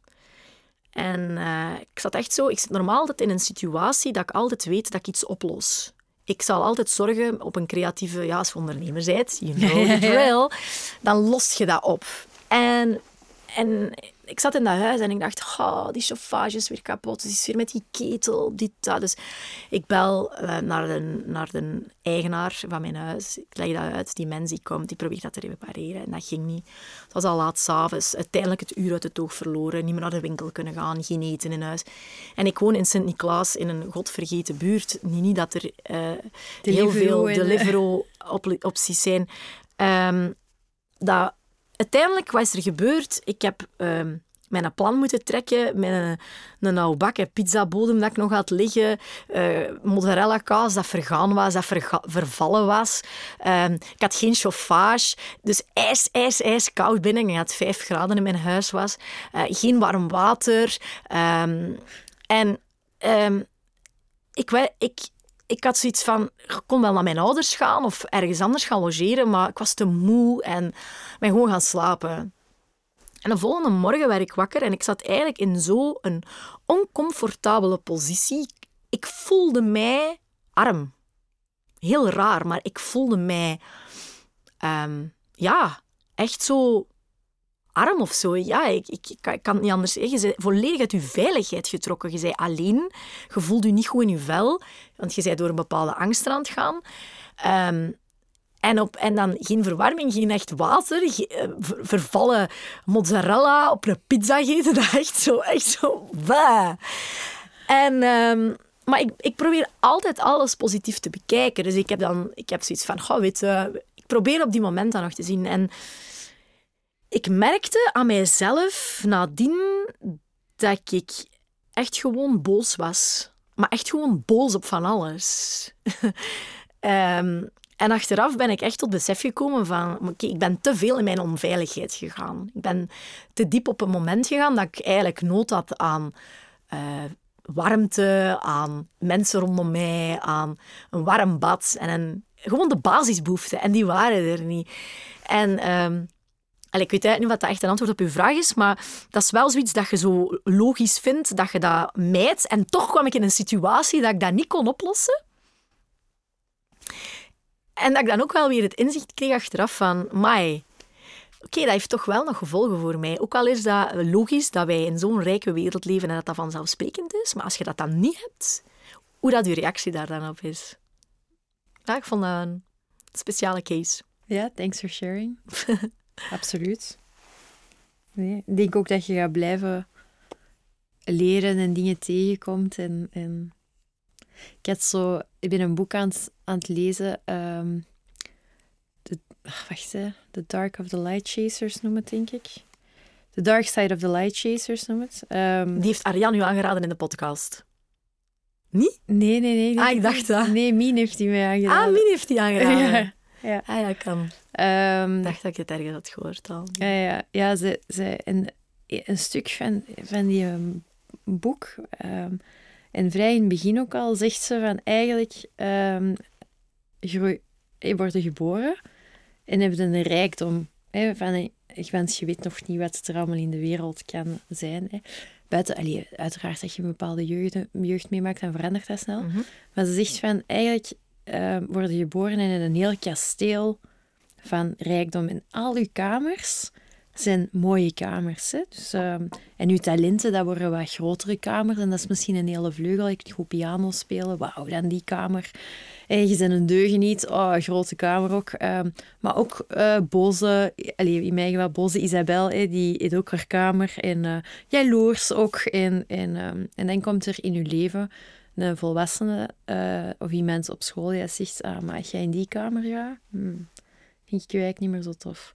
Dus die kamer, allee, nee, ik zeg die hele dingen, bezoek die kamer, maar niet te veel. Dus dan kunnen er ook, allee, dan laten je eigenlijk niet meer toe om er veel in te gaan. En dan komen er terug wel later nog wat mensen tegen die dat ook wat kamers beginnen sluiten, waar dat je eigenlijk heel veel waarde aan hecht, zonder voor jezelf, allee, zonder die zelf die, die kamer te blijven cultiveren. En in je boek staat dat je op een punt komt dat je eigenlijk volwassen bent en merkt, shit, mijn kasteel is een twee slaapkamerappartement geworden met mankementen. en, eh, ik vond het zo een rijkdom wat die uitlegt. Want ineens had ik zo door van, ah ja, ja, Isabel die op een tafel springt en die dat feestje begint. Ja, die, taf- die kamer is heel groot. Allee, daar is geen tekort aan. Dat Hè? is een grote dansvloer. Dat is een grote dansvloer. Ehm en, en, allee, in strategisch... Ik, ik had zo, ik begon zo door te gaan van... Ah ja, amai, mijn kasteel eh, is al, ziet er goed uit. Ik ben blij vandaag met mijn kasteel. Maar er zijn zeker ook nog wat kamers die dat, ehm, waar dat mijn gemeentjes aan zijn. Maar het is goed om die ook te bezoeken. Ja, ja. Ja, dat is gek. Eh, ik, vind dat, ik vind dat wel een goeie... eh, allee, een, een- goed om, om, om dat zo te zien. Eh, ik, heb, ik heb ook... Je hebt sowieso ook veel kamers die je niet bezoekt. Maar uiteindelijk moet je wel bewust zijn dat ze er zijn. En ze snappen. Ja, absoluut. En ze een plaats kunnen geven van... Oké, van waar komt dat? En is dat eigenlijk nodig? Is dat nodig dat... Allee, dat, dat, dat je in bepaalde dingen druk maakt of zo? Ja. ja, of waarom dat iemand anders... Je zei het over spiegels er juist. Mm. Ik, een van de mooiste lessen dat ik heb geleerd vanuit spiritualiteit is dat iedereen is een spiegel. William heeft dat ook op een moment tegen mij gezegd. Liefde is een van de meest egoïstische dingen dat er zijn, omdat je gewoon teruggereflecteerd krijgt wat dat je zelf graag ziet, hè, of wat dat je zelf hoopt meer van te cultiveren. Mm. En ehm, ja, ik denk dat... De, allee, ik denk dat daarin ook, als je dan met die kamers begint te denken van, ah ja, oké, waarom... Ik had over laatst iemand dat mij heel erg triggerde. En ik van, eh, he- heel erg vanuit een slachtofferrol ehm, in mijn leven kwam. En ik werd er helemaal zot van. Omdat ik zoiets heb van, ah, ik, ik kan er niet goed tegen. Maar tegelijkertijd mogen er soms ook wel een slachtoffer zijn. Is dat oké om dat te zijn? En het heeft mij heel veel gebracht om dat niet te zijn in mijn leven. Mhm.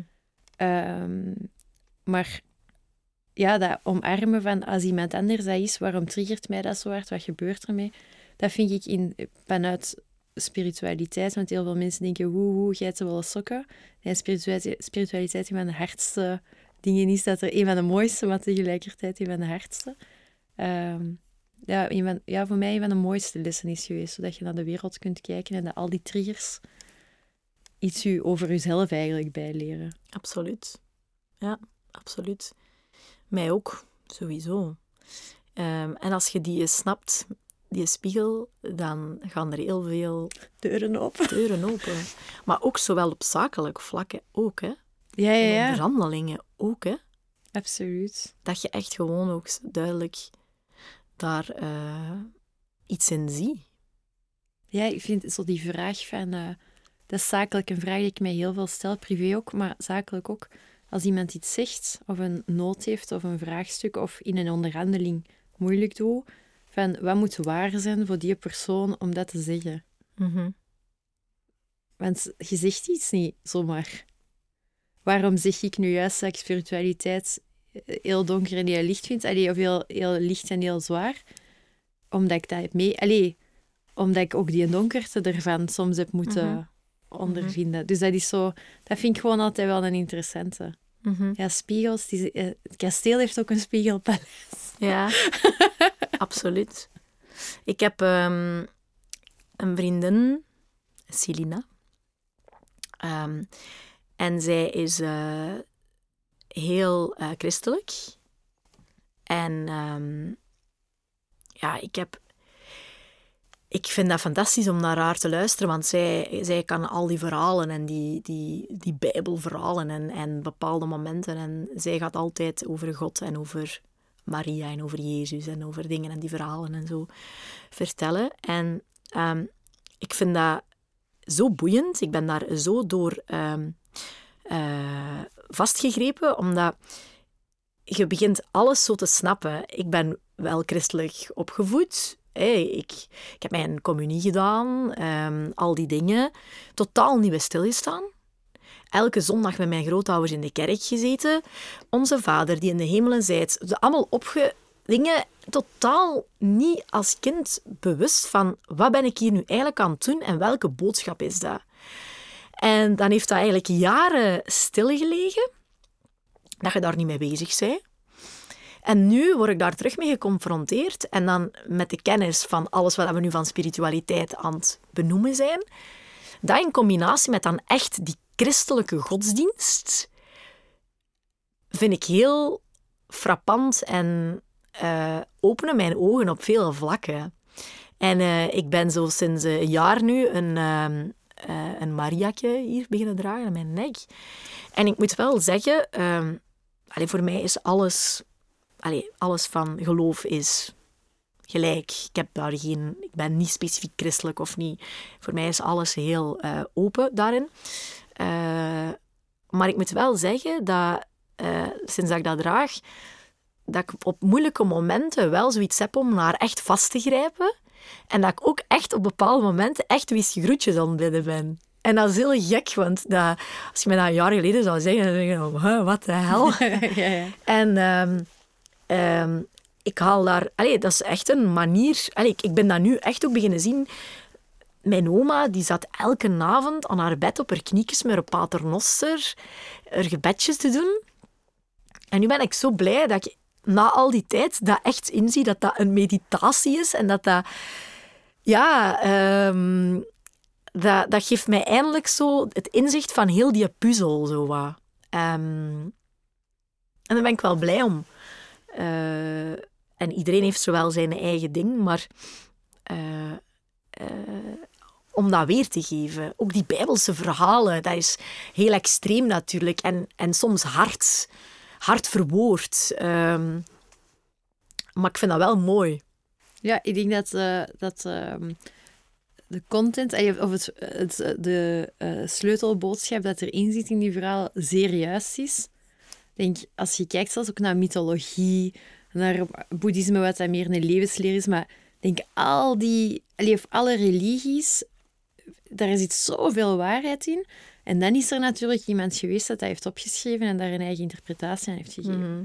Waardoor dat er ineens sommige regels bij komen kijken die dat vanuit ziel nooit gekozen zouden worden, denk ik. Die dat alleen vanuit een ego kunnen opgeschreven worden. Absoluut. En ook die heel discriminerend zijn ten opzichte van andere geloven. Terwijl, en dat zou nooit... En dat snap ik niet. En dat begrijp ik niet. Dat vind ik ook aan ik zeg dat eerlijk, dat vind ik ook aan het christendom vind ik ook niet oké. Okay. Um, maar dat is omdat iemand het heeft opgeschreven. Hè? Voilà. Voilà. Dat, is, dat is inderdaad vanuit dat ego ja, neergezet. Dat is omdat iemand dat verhaal heeft gebracht vanuit hun Mhm. mm -hmm. interpretatie. En uiteraard, of jammer genoeg, er dan miljoenen mensen dat zeggen van ah, wat daar staat is de waarheid, terwijl het veel meer gaat over dat ervaren van Absoluut. wat is dat licht nu. Ja. En zelfs als in de mythologie, wat is het, voordat je iets verkeerd zegt, denk dat de deur van Hermes is of zo, maar hey, waar dat je, of het orakel, dat je iets kunt vragen en terugkrijgen, ja, dat krijg je in de Bijbel ook. Hè. Uh, uw wil zal geschieden en uw vraag uh, Mhm. vraagt en u zal antwoord krijgen, wat is dat? Mhm. Maar uh, ja, ik vind, en dat is ook, hè. Allee, opent maar eens een boek met de vraag, uh, als je een boek vasthoudt en denkt van, geeft mij de bladzijde dat ik momenteel het meeste nodig heb, dan is de kans groot dat je de juiste bladzijde krijgt. Zot, hè? Ja. Oei, excuseer. Freya, moest jij je 18-jarige zelf kunnen bezoeken, wel- welk advies zou je daar dan geven?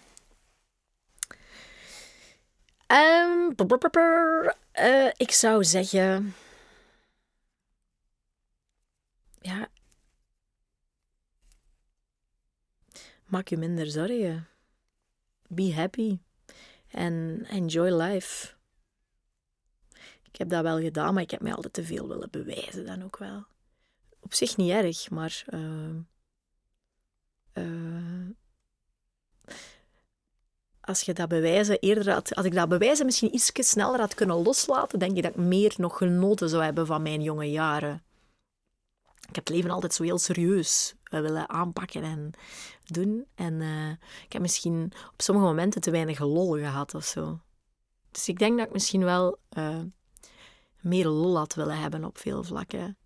Eh, Ik ben dat dan nu wel aan inhouden op veel Oh ja. Je hebt aan de William in de plaats gekregen.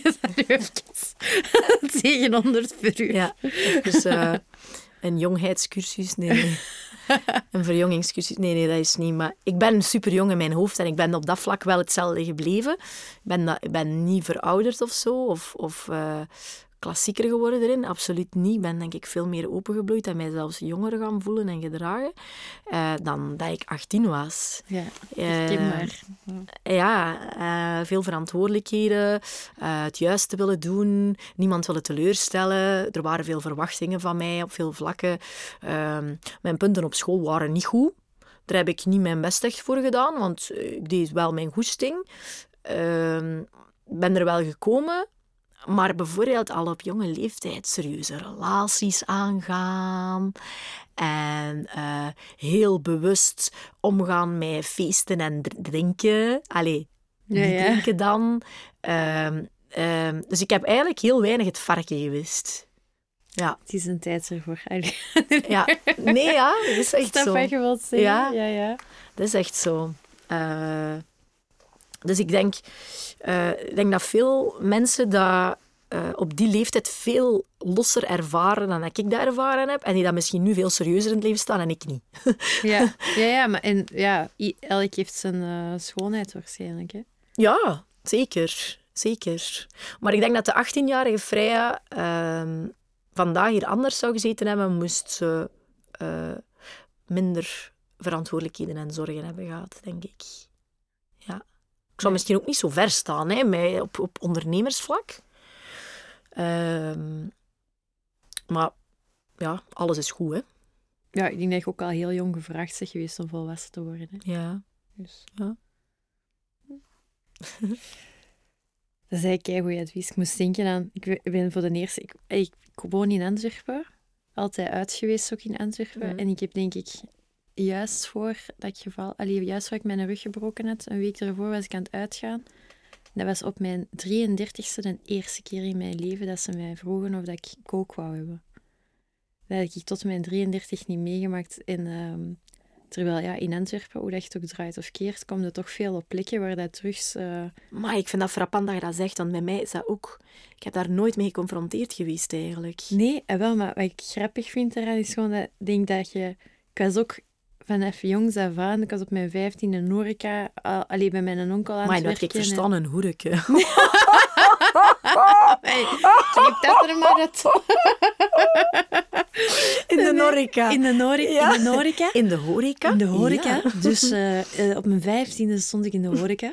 Ehm, maar eh, ja, en ook wel veel op feesten geweest. En, en, en En je hebt dat nooit echt gezien of ervaren? nooit gezien, nooit ervaren. Wel één keer gezien op een thuisfeestje van mijn ex in Nederland.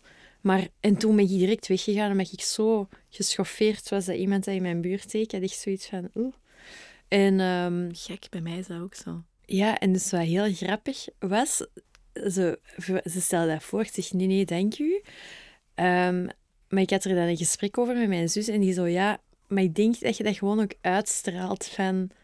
Omdat je al van zo jong af aan zo mega dingen daarin zei. Dat dat iets is dat mensen ook... Dat, ja, dat je misschien dat verschil ziet tussen iemand dat dat wel allemaal neemt, waar dat ook... Geen judgment, is fijn als je dat doet.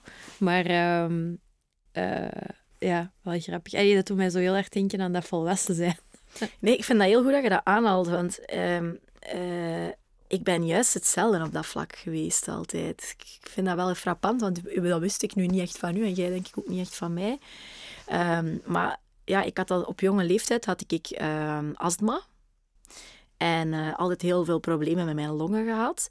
En um, mijn dokter die zei altijd van... Ja, dus dat wil zeggen dat ik eigenlijk nooit echt de gymlessen veel heb mee kunnen doen. Ik heb nooit veel kunnen sporten. Mijn droom was paardrijden. Dat ging niet. Dat werd allemaal tegengehouden, omdat dat niet ging met mijn astma. Dus mijn droom was om dat te kunnen doen. Um, en dan vanaf dat ik een jaar of veertien was, is dat pas beginnen beteren. En uh, dan heeft die dokter altijd tegen mij gezegd van... Als jij ooit zou roken, dan... Allee, dus het heeft mij zo bang gemaakt. En ik heb zo geweten hoe het is om geen adem te hebben. Dat ik dat nooit heb gedaan. En dat ik mij zo trouw daaraan heb gehouden. Nooit, ik heb zelfs nog nooit van een sigaret getrokken. ik weet dat echt niet wat dat is. Ja, heel gek. Maar ze blij gemist echt. Uh, nee, voilà. En dat inzicht kreeg ik dan ook wel van, waarom zou ik dat eigenlijk willen? Dat kost geld, uh, dat stinkt. Uh, en je hebt dat niet nodig in je leven. Dus... Weet je waarom veel mensen eraan verslaafd zijn? Door uh, de ademhaling. Omdat dat rust geeft. Ja, dus eigenlijk mediteren met mijn sigaretten. Dus als die zouden beginnen mediteren... Zodat.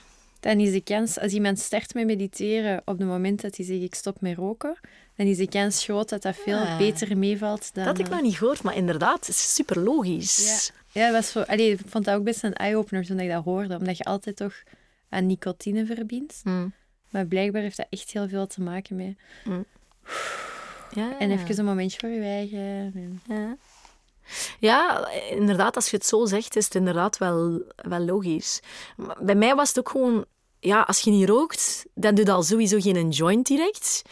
Uh, dan ga je al... En, en, en daardoor heb ik heel dat proces van experimenteren met drugs en al die dingen gewoon niet meegemaakt. Ik, ik weet daar niks over. Dus dan was dat bij mij ook zo... Uh, ja... Um, ik ben dan altijd ook heel serieus in het leven gegaan, serieuze relaties gehad, die, ta, die job, die dingen, ondernemen, pup, pup, pup, allemaal heel serieus, heel plichtsbewust uh, ermee omgaan.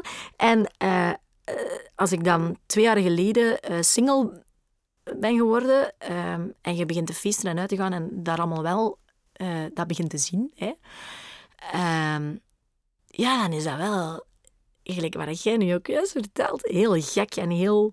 Opvallend. Opvallend. Ja.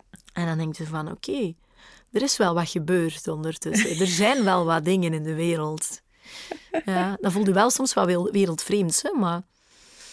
Uh... Ja, en tegelijkertijd denk ik dat er ook heel veel voordelen aan zijn. Ja, maar no judgment, hè. Um, iedereen doet wat hij wil, hè. Maar, nee, nee, uh... absoluut. Absoluut. Um, absoluut. ja, ik weet gewoon nog die keer ook dat ik dat zag voor de eerste keer in mijn leven. Ik was zo gechoqueerd. Ja, ik ook.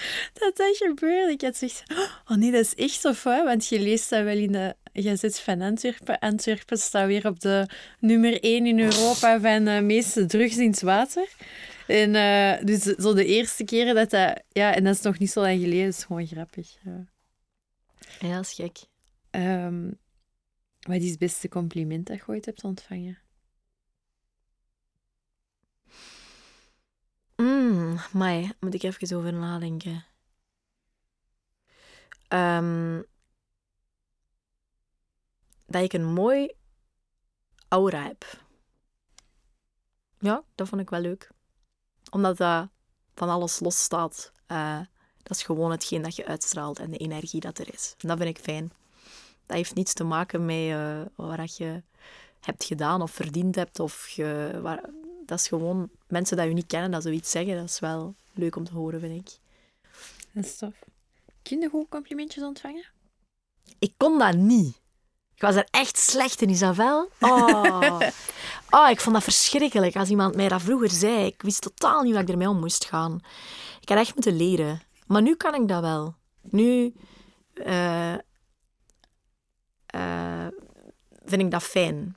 En leer ik die te ontvangen en weet ik ook wat ik moet zeggen. Terwijl vroeger lachte ik die weg. Ja, ik ook. Kijk, ah, ik heb eens een lief gehad die dat tegen mij zei. Isabel, als je nu niet stopt met te lachen elke keer als ik je een compliment geef, En toen viel dat mij zo ineens hard, zo hard op dat je dat altijd deed. Want ja, dan begin je daar ineens op te letten. En dan had ik er iets over gelezen en zij van beginnen zeggen van dankjewel voor het compliment, ik apprecieer het. En dat ben ik heel bewust beginnen doen. En nu vind ik complimentjes heel leuk. Ja, ik ook. Ja, ik ook. Yes, hetzelfde. Ja, ik heb dat ook uh, moeten leren. Um, als mensen vroeger mij iets lief zeiden of zo, dan, dan ontkende ik dat zelfs. Dus ik zei van, maar oh, dat is niet waar. Oh, stop eens. Ja, zo. ja. Um, en uh, dat ja, dat, dat begon wel zo zwaarder en zwaarder wel uh, te zijn op een bepaald moment. Uh, omdat je alles weglacht, hè. Ja, ja, ja. ja je, hebt, je, je, neemt het niet binnen, ook niet. Hè? Terwijl dat, dat heel lief is van iemand anders. Hè? Ja. Zeker als ik te veel gedronken heb, dan geef ik twintig complimentjes. Heel lief bedoeld altijd. dan weten dat ik het echt meen. Um, is er soms iets dat mensen misbegrijpen aan u? Um, ja, wel, wel wat dingen. Uh, ik denk dat ik... Um, mijn zelfzekerheid, denk ik, dat mensen wel misbegrijpen. Ik denk dat veel mensen dat als arrogant zien. Um, en uh, ik heb dat dat is ook omdat dat nu wel grappig is dat je dat zegt over met die complimenten, omdat dat wel in één lijn ligt met elkaar. Ik heb mij vroeger altijd heel uh, opgesteld, um, makkelijk willen opstellen. Dus als iemand aan mij vroeg van, uh, wat wilde graag? Wilde graag uh, um, een koffie? Of wilde graag een plat water? Goh, ja, allez, je kent wel heel dat verhaal van, goh ja, een koffieke. Goh nee, goh, dan moet je dat machine warm maken. Allez, heel dat, om niet moeilijk te zijn. Dus ik heb moeten leren om uh, duidelijk te weten waar ik, weet waar ik wil. Ik weet dat ik liever een koffie heb, maar ik wil het de mensen niet te moeilijk maken. Dus ik ging altijd een beetje in die soort underdog-positie. Uh, terwijl ik heb leren beseffen van als je goed weet wat je wilt en je kunt het op een beleefde, goede manier weergeven, dan is het voor die persoon ook veel toffer en gemakkelijker, omdat je weet wat je wilt. En er... Allee, um... ja, en veel, veel echter, hè? Ja, veel geconnecteerder ja. met jezelf ook. Hè? Ja, en um, doordat ik dat denk ik nu wel heel goed toepas. Ik heb altijd geweten waar ik wou, maar nu ben ik ook heel radicaler erin, denk ik. En ook duidelijker in met dat te verwoorden. Dat in combinatie met het beeld dat de mensen van mij hebben. Um, komt denk ik wel een beetje over alsof dat ik hoog in mijn toren sta en alles wel weet. En een beetje, uh, niet bedweterig, maar zo wat de overhand. Zodat ik, dat ik precies denk van mijzelf dat ik alles weet of uh, geen issues heb in het leven of geen negativiteit heb in het leven omdat ik positief in het leven sta en alles dat daarmee te maken heeft. Dus je triggert gewoon heel veel mensen? Ja, ik, ik, ik, ik denk dat wel. Ik heb, ik heb dat heel vaak met vrouwen ook. Uh, uh, ik denk dat... Ik heb echt alleen maar positiviteit te delen. Ik meen dat ook echt. Als ik iemand zie en ik zeg, maar kei tof of mooi of goed bezig of dit of dat, dan zal ik dat echt zeggen. En dan meen ik dat ook uit de grond van mijn hart. Um, maar je merkt, ik merk ook dat vrouwen vaak zich onzeker gaan voelen in mijn buurt. En die onzekerheid nu herken ik dat dat, onzekerheid is. Vroeger zag ik dat niet altijd en dan vond ik dat die... Uh, dan had ik daar ook een judgment over klaar, dat zij naar mij toe niet correct waren of dit of dat. En mijn mannen hebben dat minder. Ik denk dat jij dat wel kunt beamen. Um, vrouwen kunnen moeilijk overweg met een zelfzekere vrouw. Uh, en dat vind, ik, dat vind ik soms wel heel moeilijk. Om, omdat ik ook mijn... Vanaf dat ik dat dan voel, dan ga ik ook mij niet meer openstellen. Dan heb ik ook zoiets van, oké, okay, it's fine. Ik ben er oké mee. Maar ik voel geen nood om mij te bewijzen dat het tegendeel waar is. Als er geen interactie of geen vraag van de andere kant komt. Daar heb ik mij een beetje bij neergelegd. Ik heb mij neergelegd met het idee van iedereen moet mij tof vinden. Ja, dat, dat is niet, niet, en dat kan niet. Dat zou ook heel arrogant zijn. Hè? Allee, of dat, is, dat is zo voor mij de... Ja. Ik, ik heb dat ook heel, heel lang gehad. Eh, maar ineens dacht ik zo van mij zou wij kei arrogant zijn van mezelf om te denken dat iedereen altijd akkoord moet zijn met alles wat ik zeg en mij kei tof moet vinden. Ja, maar ja. ik begrijp het echt volledig Ja. wat, hij, wa- wat hij gezegd had. Ik, ik wil niemand tegen de borst stoten. Ik, ik, ik, ik ben geen ruziezoeker of ik ben geen ehm aandachtstrekker. Op mijn manier dan niet. Ik ben wel zelfzeker, maar ik wil daar geen specifieke aandacht mee trekken. Ik wil gewoon zijn wie dat ik ben. En ik geef iedereen de mogelijkheid om ook te zijn wie dat ze zijn. Maar eh, eh, ja, dat is, dat, dat is wel een moeilijke. En specifiek met vrouwen.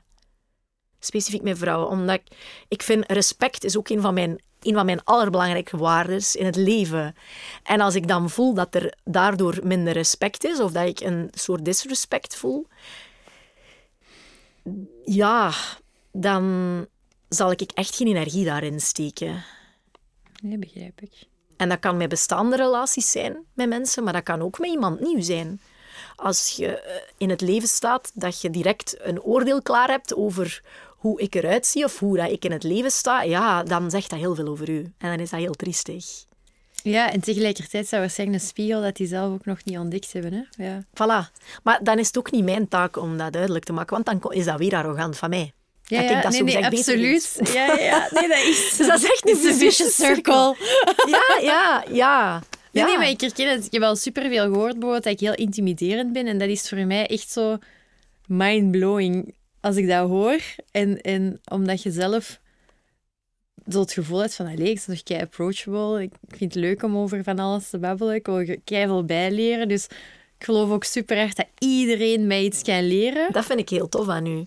En dat vind ik heel tof om met u te, eh, te babbelen, omdat jij heel veel, je hebt heel veel al geleerd en gelezen en je hebt heel veel boeken gelezen en jij slaat die informatie ook allemaal op of zo op de een of andere manier. Mij wel. Mij wel.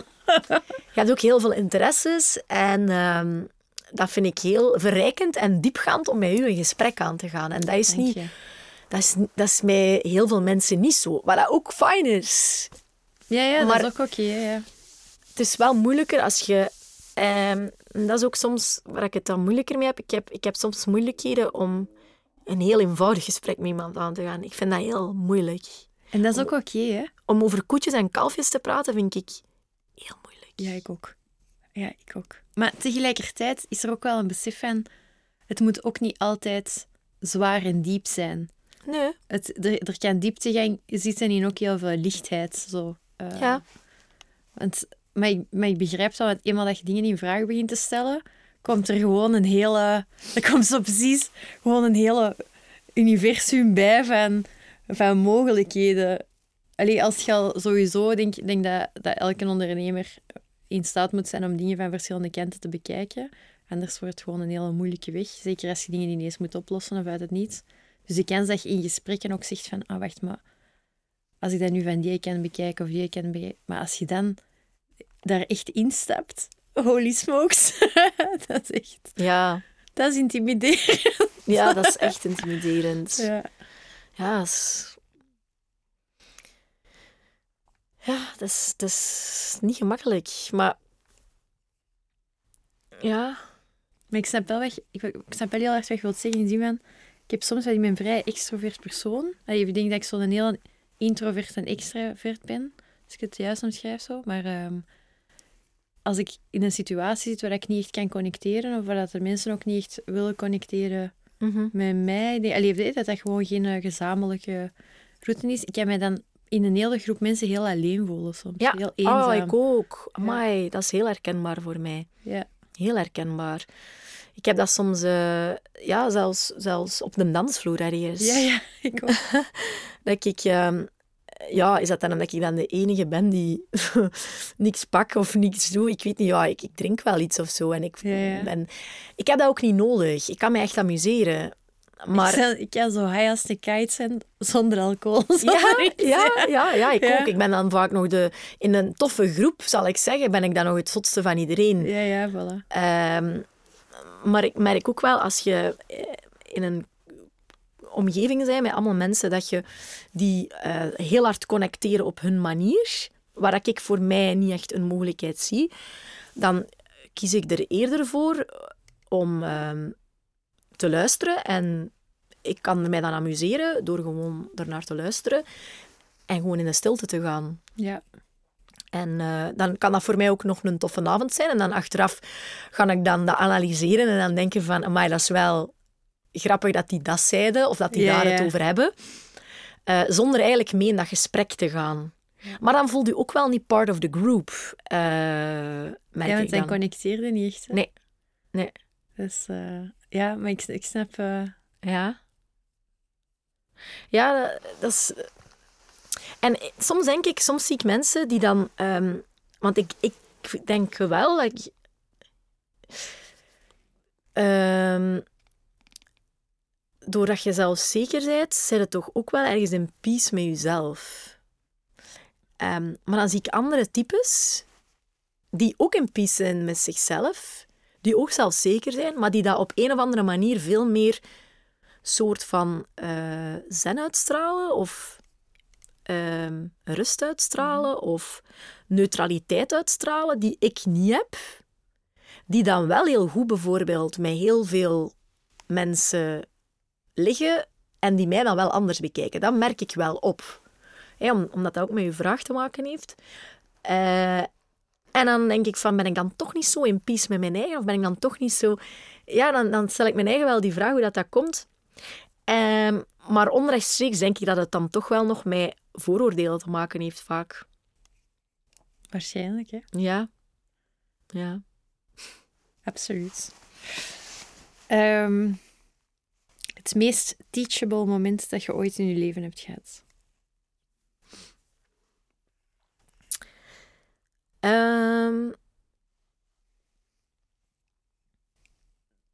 de teachable momenten zijn de momenten dat je het diepste zit. Hè? Zijn de momenten zijn een van de lowest lows dat je kunt hebben. Ehm, en bij mij was dat... eh, en dat heeft wel mij een enorme eh boost ook gegeven. Eh, ik heb eh, toen ik eh, 23 was, of jonger, nee, ik heb eigenlijk jonger. Hè, ik was van mijn 21 heb ik een eh, vrij lange relatie gehad. Ehm, en hij was heel, eh, heel veel mannelijke energie, heel veel ego, heel veel eh, dingen. Ik was nog student, ehm, dus ik stond nog niet in mijn kracht die ik vandaag heb. Ehm, ik was heel... Allee, ik wist wel waar ik wou in het leven.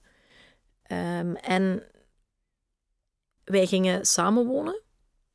En hij ging een... eh, hij had een appartement gekocht, want hij werkte. Hij had een appartement gekocht en ehm, eh, ik ging dan bij hem gaan wonen. Maar ik had alles mee ingericht en gekozen, dit en dat.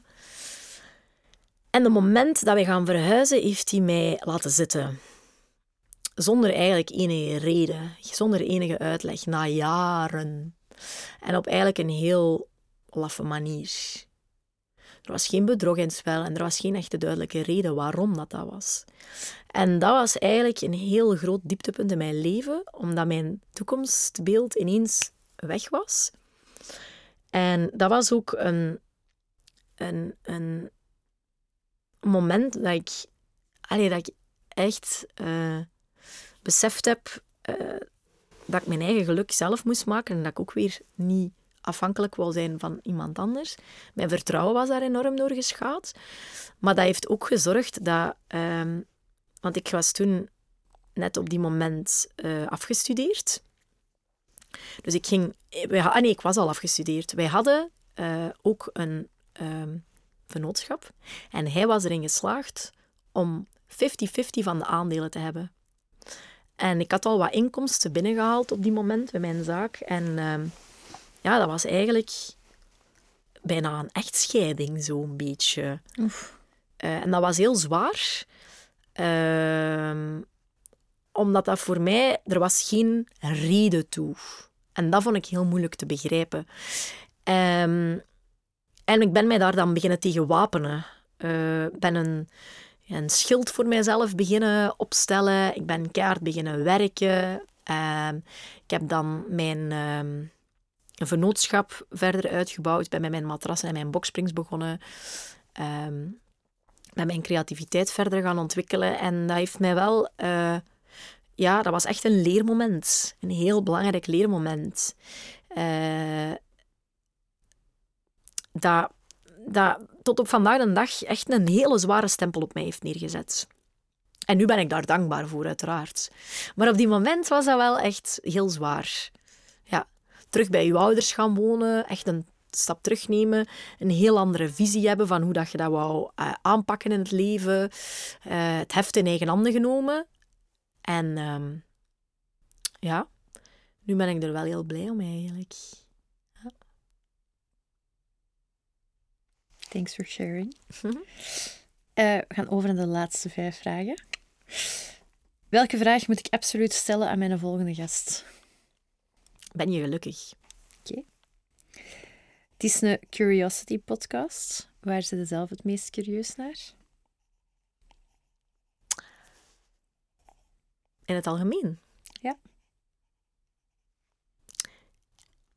Ah, wel, dat is eigenlijk een hele goede om te eindigen. Ik vind dat er heel weinig wordt gesproken over um, financiële zaken. Oké. Okay. Um, er, wordt, er is precies zo aan taboe over praten over financiële vrijheid, over geld, over hoeveel verdient iemand, over hoe heb je iets gedaan, uh, financieel. Uh, ja, daar ben ik eigenlijk al curieus achter. Ik ben eigenlijk benieuwd, wat verdienen mensen? Ah ja, oké. Okay. Zo bijvoorbeeld sterren of... Um, uh, daar ben ik eigenlijk wel... Er wordt zo gewoon over gezwegen. Over spiritualiteit babbelen we veel en ja, er is heel... Ik ben ook curieus over wat we allemaal niet weten, maar daar gaan we niet direct een antwoord op weten. Dus daar stopt mijn curiositeit. Ja, ja, ja. Maar uh, ja, ik vind dat financiële, dat vind ik iets waar heel weinig over gepraat wordt. Ja. Um, ik heb trouwens um, een meisje leren kennen, uh, Charlotte Brabander. Misschien kent je Ja, ik ben ze beginnen volgen door uh, dat ja. jij erover gedeeld hebt. Uh. Ja, van Slimme Sparen. Um, een heel, heel toffe griet. Heel anders dan mij. Um, zij is heel hard met geld bezig, met, alleen met, met geld beleggen, met sparen. Met, ze heeft er cursussen over geschreven, uh, wat ik ook heel knap vind.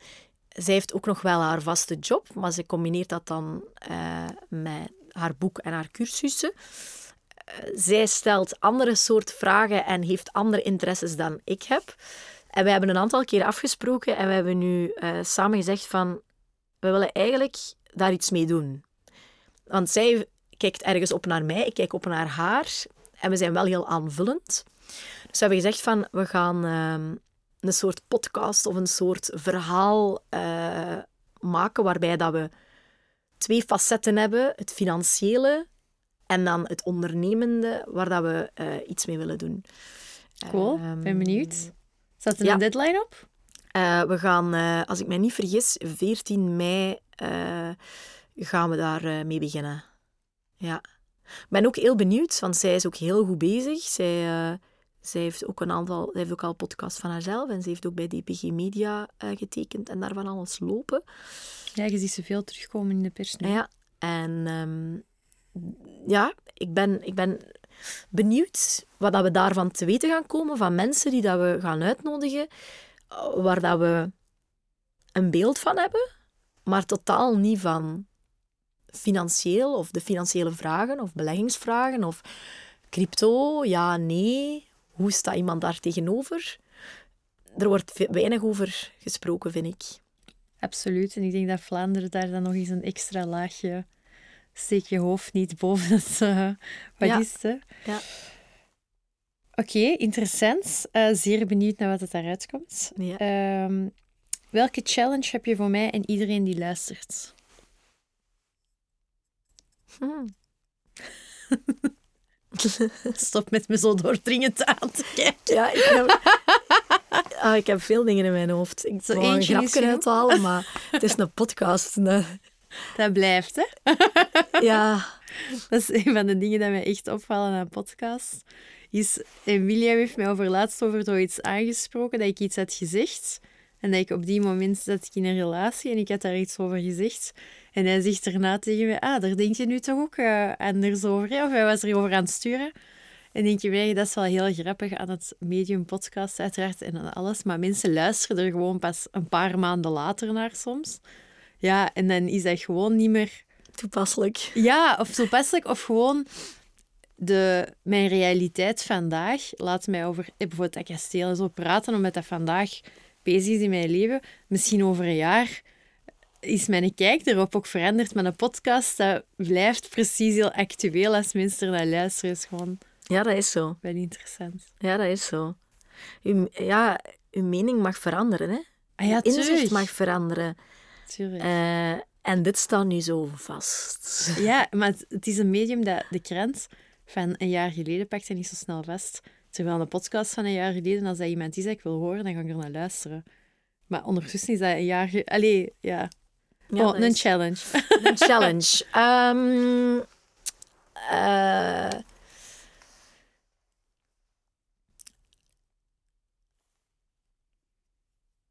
doe, maar dat, je gaat hem al kennen en dingen, maar wat dat mijn challenge is, elke dag opnieuw. Do everything, do every day something that scares you.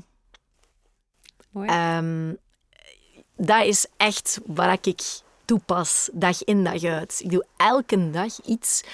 Al is naar iemand bellen waar ik zo wat schrik heb van hoe gaat dat gesprek zijn. Ehm, tot eh, uit een vliegtuig springen, eh, met u een podcast doen was vandaag de challenge. Eh, ja, elke dag gewoon een klein beetje uw grenzen verleggen. En dat geeft zoveel voldoening. En daar leef ik voor. Mooi. Ja. Dat, is, dat is bij mij mee. ehm, ik pak elke ochtend een koude douche. Pak Ah, ja, ja, ja, douche En ja. dan een koude douche. Ja. En, eh, of dan draai ik de kraan naar koud. En dat is gewoon zo... Het feit dat ik dat kan 's morgens en dat ik mijzelf in die discomfort kan brengen, helpt wel heel hard met de rest. herkenbaar. Ja. Ja, dat was zo'n paar maanden geleden ook.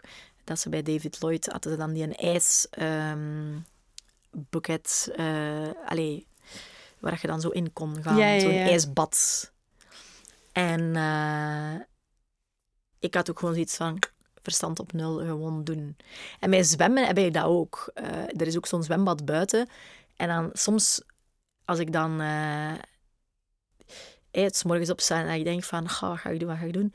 Dan is dat zo van, wil ik gaan zwemmen? En dan zo je eigen in je hoofd eigenlijk uitdagen van, ah, het is koud en het regent.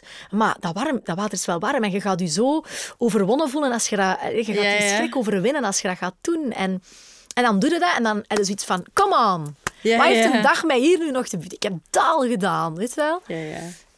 Eh, Perfect self-pep talk. ja, ja. Oké. Dus doe iedere, iedere dag iets dat je eh Angst uitdaagt. ja, of Angst uit, uitdaagt.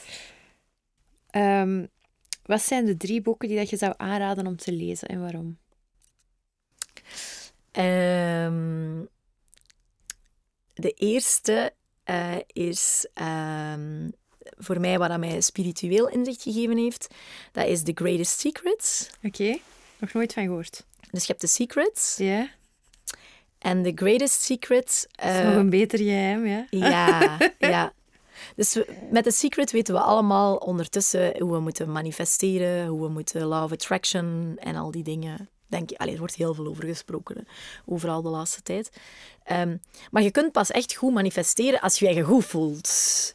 Als je je slecht voelt en in slechte gedachten zit, dan gaat dat niet. En dan zit je in een slechte visieuze cirkel. En, en in die boek eh, komt er eigenlijk heel veel ehm, te pas dat we uit onze ziel bestaan. En dat, ehm, er komen eigenlijk heel veel cases in om het leven eh, luchtig te zien. Eh, en dat eigenlijk heel eh, mooi uitgelegd. En ik heb die boek uitgelezen, ik heb er wel even over gedaan. En nu ehm, ligt die altijd wel ergens in mijn buurt. Soms heb ik hem gewoon bij. En als ik op een moment mij wat triestig voel of onzeker of zo in een negatieve spiraal, dan blader ik die boek open en dan begin ik gewoon te lezen. En dat helpt gewoon keihard. Ehm, en voor mij is dat zo wat een samenvatting van eh, zo wat dat spirituele om door uw negatieve gedachten te gaan, door negatieve gebeurtenissen te gaan. Ehm, ja, dat vind ik een. Dus die boek. En dan de tweede is uh, voor mij, uh, die heb ik u al getipt, denk ik, de cashflow kwadrant. Ja, ja. Uh, Rich Dad, Poor Dad, die kennen de meeste mensen wel. Dat is echt die een bestseller. En um, de cashflow kwadrant, heel gek. Die boek is op verschillende manieren tot bij mij zo wat gekomen. Een vriendin van mij had die al aangeraden en dan is die zo nog via een paar wegen zo. Dus ik moest die lezen, die moest op mijn pad komen. En die boek heeft mij echt het inzicht gegeven om als hurende ondernemer na te denken van hoe ga ik nu mijn geld voor mij laten werken. En um, dat is niet enkel en alleen een aantal aanpassingen in uw, aanpassingen in leven, maar dat, zijn ook echt wel andere gedachtegangen en andere inzichten over zoveel. En die boek was voor mij echt gewoon nodig om uh, mijn uh, ondernemerschap anders te gaan bezien, om mijn toekomstige projecten anders te bezien uh, en naar alles anders te bekijken. Dus dat zijn, eigenlijk zijn die twee zijn mijn, uh, mijn handleidingen die ik altijd wel ergens heb, die af en toe eens even boven komen. Um, en dan een derde boek. Um, ik zal misschien die zeggen.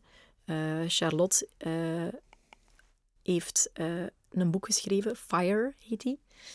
ik, ben die. ik heb hem nog niet helemaal uit, maar ik ben al wel redelijk ver.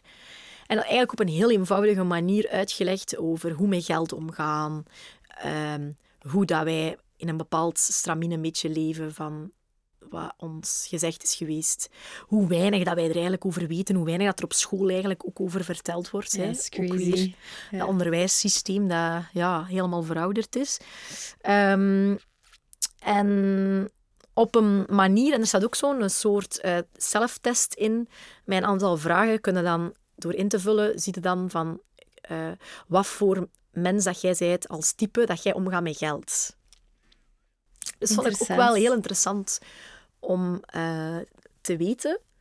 Um, en eigenlijk tot twee jaar geleden was ik eigenlijk geen boekenlezer. Ik heb eigenlijk super weinig boeken gelezen. Oké. Okay. Ik kon mij daar niet toe zetten. Dat was voor mij geen ontspanning en ik kon daar geen tijd voor maken. En nu sinds een jaar en een half ben ik dat wel aan het uh, doen. En kan ik daar ook echt voor van genieten, omdat dat voor mij dan een me-momentje is. Um, en um, ja, dat bijleren en in, inspireert mij daardoor ook heel hard. Terwijl dat mij dat de afgelopen uh, uh, tien jaar van mijn carrière uh, nooit aan bod zijn gekomen. Dat was altijd maar doen, doen, doen. Ja, geen tijd voor ook niet. En geen tijd voor maken ook niet, om, om daarmee bezig te zijn, om inzichten te krijgen met boeken of cursussen of al die dingen. Ja, wat mij heel erg heeft geholpen met boeken, want ik, ik had ook zo al en geen boeken niet meer vastgezet. Zowel als kindje deed ik dat eigenlijk wel graag lezen. Maar ik heb op een moment gezegd tegen mijn eigen in mijn ochtendritueel, ik ga gewoon tien pagina's per dag lezen, dat is de afspraak. In worst case scenario één pagina, maar altijd tien pagina's per dag. En dat is nog altijd met een deal met mijn eigen, waardoor dat, ja, als je tien pagina's per dag leest, dan lees je veel boeken op een jaar. En nu is die spier of zo teruggetraind, waardoor ik graag lees en met plezier ook s'avonds dat vastpak. Maar die van tien pagina's, daar hebben we echt allemaal tijd voor. Hè? Ja, dat is waar. Um, al moet ik zeggen dat ik soms vaak veel verplichtingen heb op social media om dingen te posten. En dat ik dat dan eerder ga doen als ik dan een moment thuis ben, dat ik dan ja, dat ga doen. Uh, maar ik ben geen tv-mens of zo. Echt, nu zal ik veel meer genieten om s'avonds na het eten, als, ik, als er nog een, een uur of twee uur zijn voor te gaan slapen, om een tof zenmuziekje op te zetten, een boek, een boek te lezen of even vast te pakken. En dat, dan voel ik mij verrijkt um, met alles. Um, maar echt uit plezier, zo van die romans lezen? Nee, ik ook nee. Nee, dat, dat komt er niet aan te pas. Nee. nee dat komt er niet aan te pas. Um, een laatste vraag, en zeker niet onbelangrijk. Um, hoe kunnen wij uw reis blijven volgen? De mensen kunnen mij volgen op Instagram. Okay. Eh, ja, ik denk gewoon... Mijn profiel, Vrije Poppen op Instagram, is eh, de key naar alle verdere kanalen, een beetje. Ehm, en dan eh, voor mijn merk is het uh, tutu underscore official. En dan van mijn slaapartikelen is het tutu door. Ehm, dat is eigenlijk het belangrijkste. Oké, super. Mega merci voor hier te zijn. Ja, ik vond het kei tof. Ja, ik ook. Absoluut. Very much appreciated. Ja, het was leuk om hier te zitten met jou. Dankjewel. bye. Bye bye.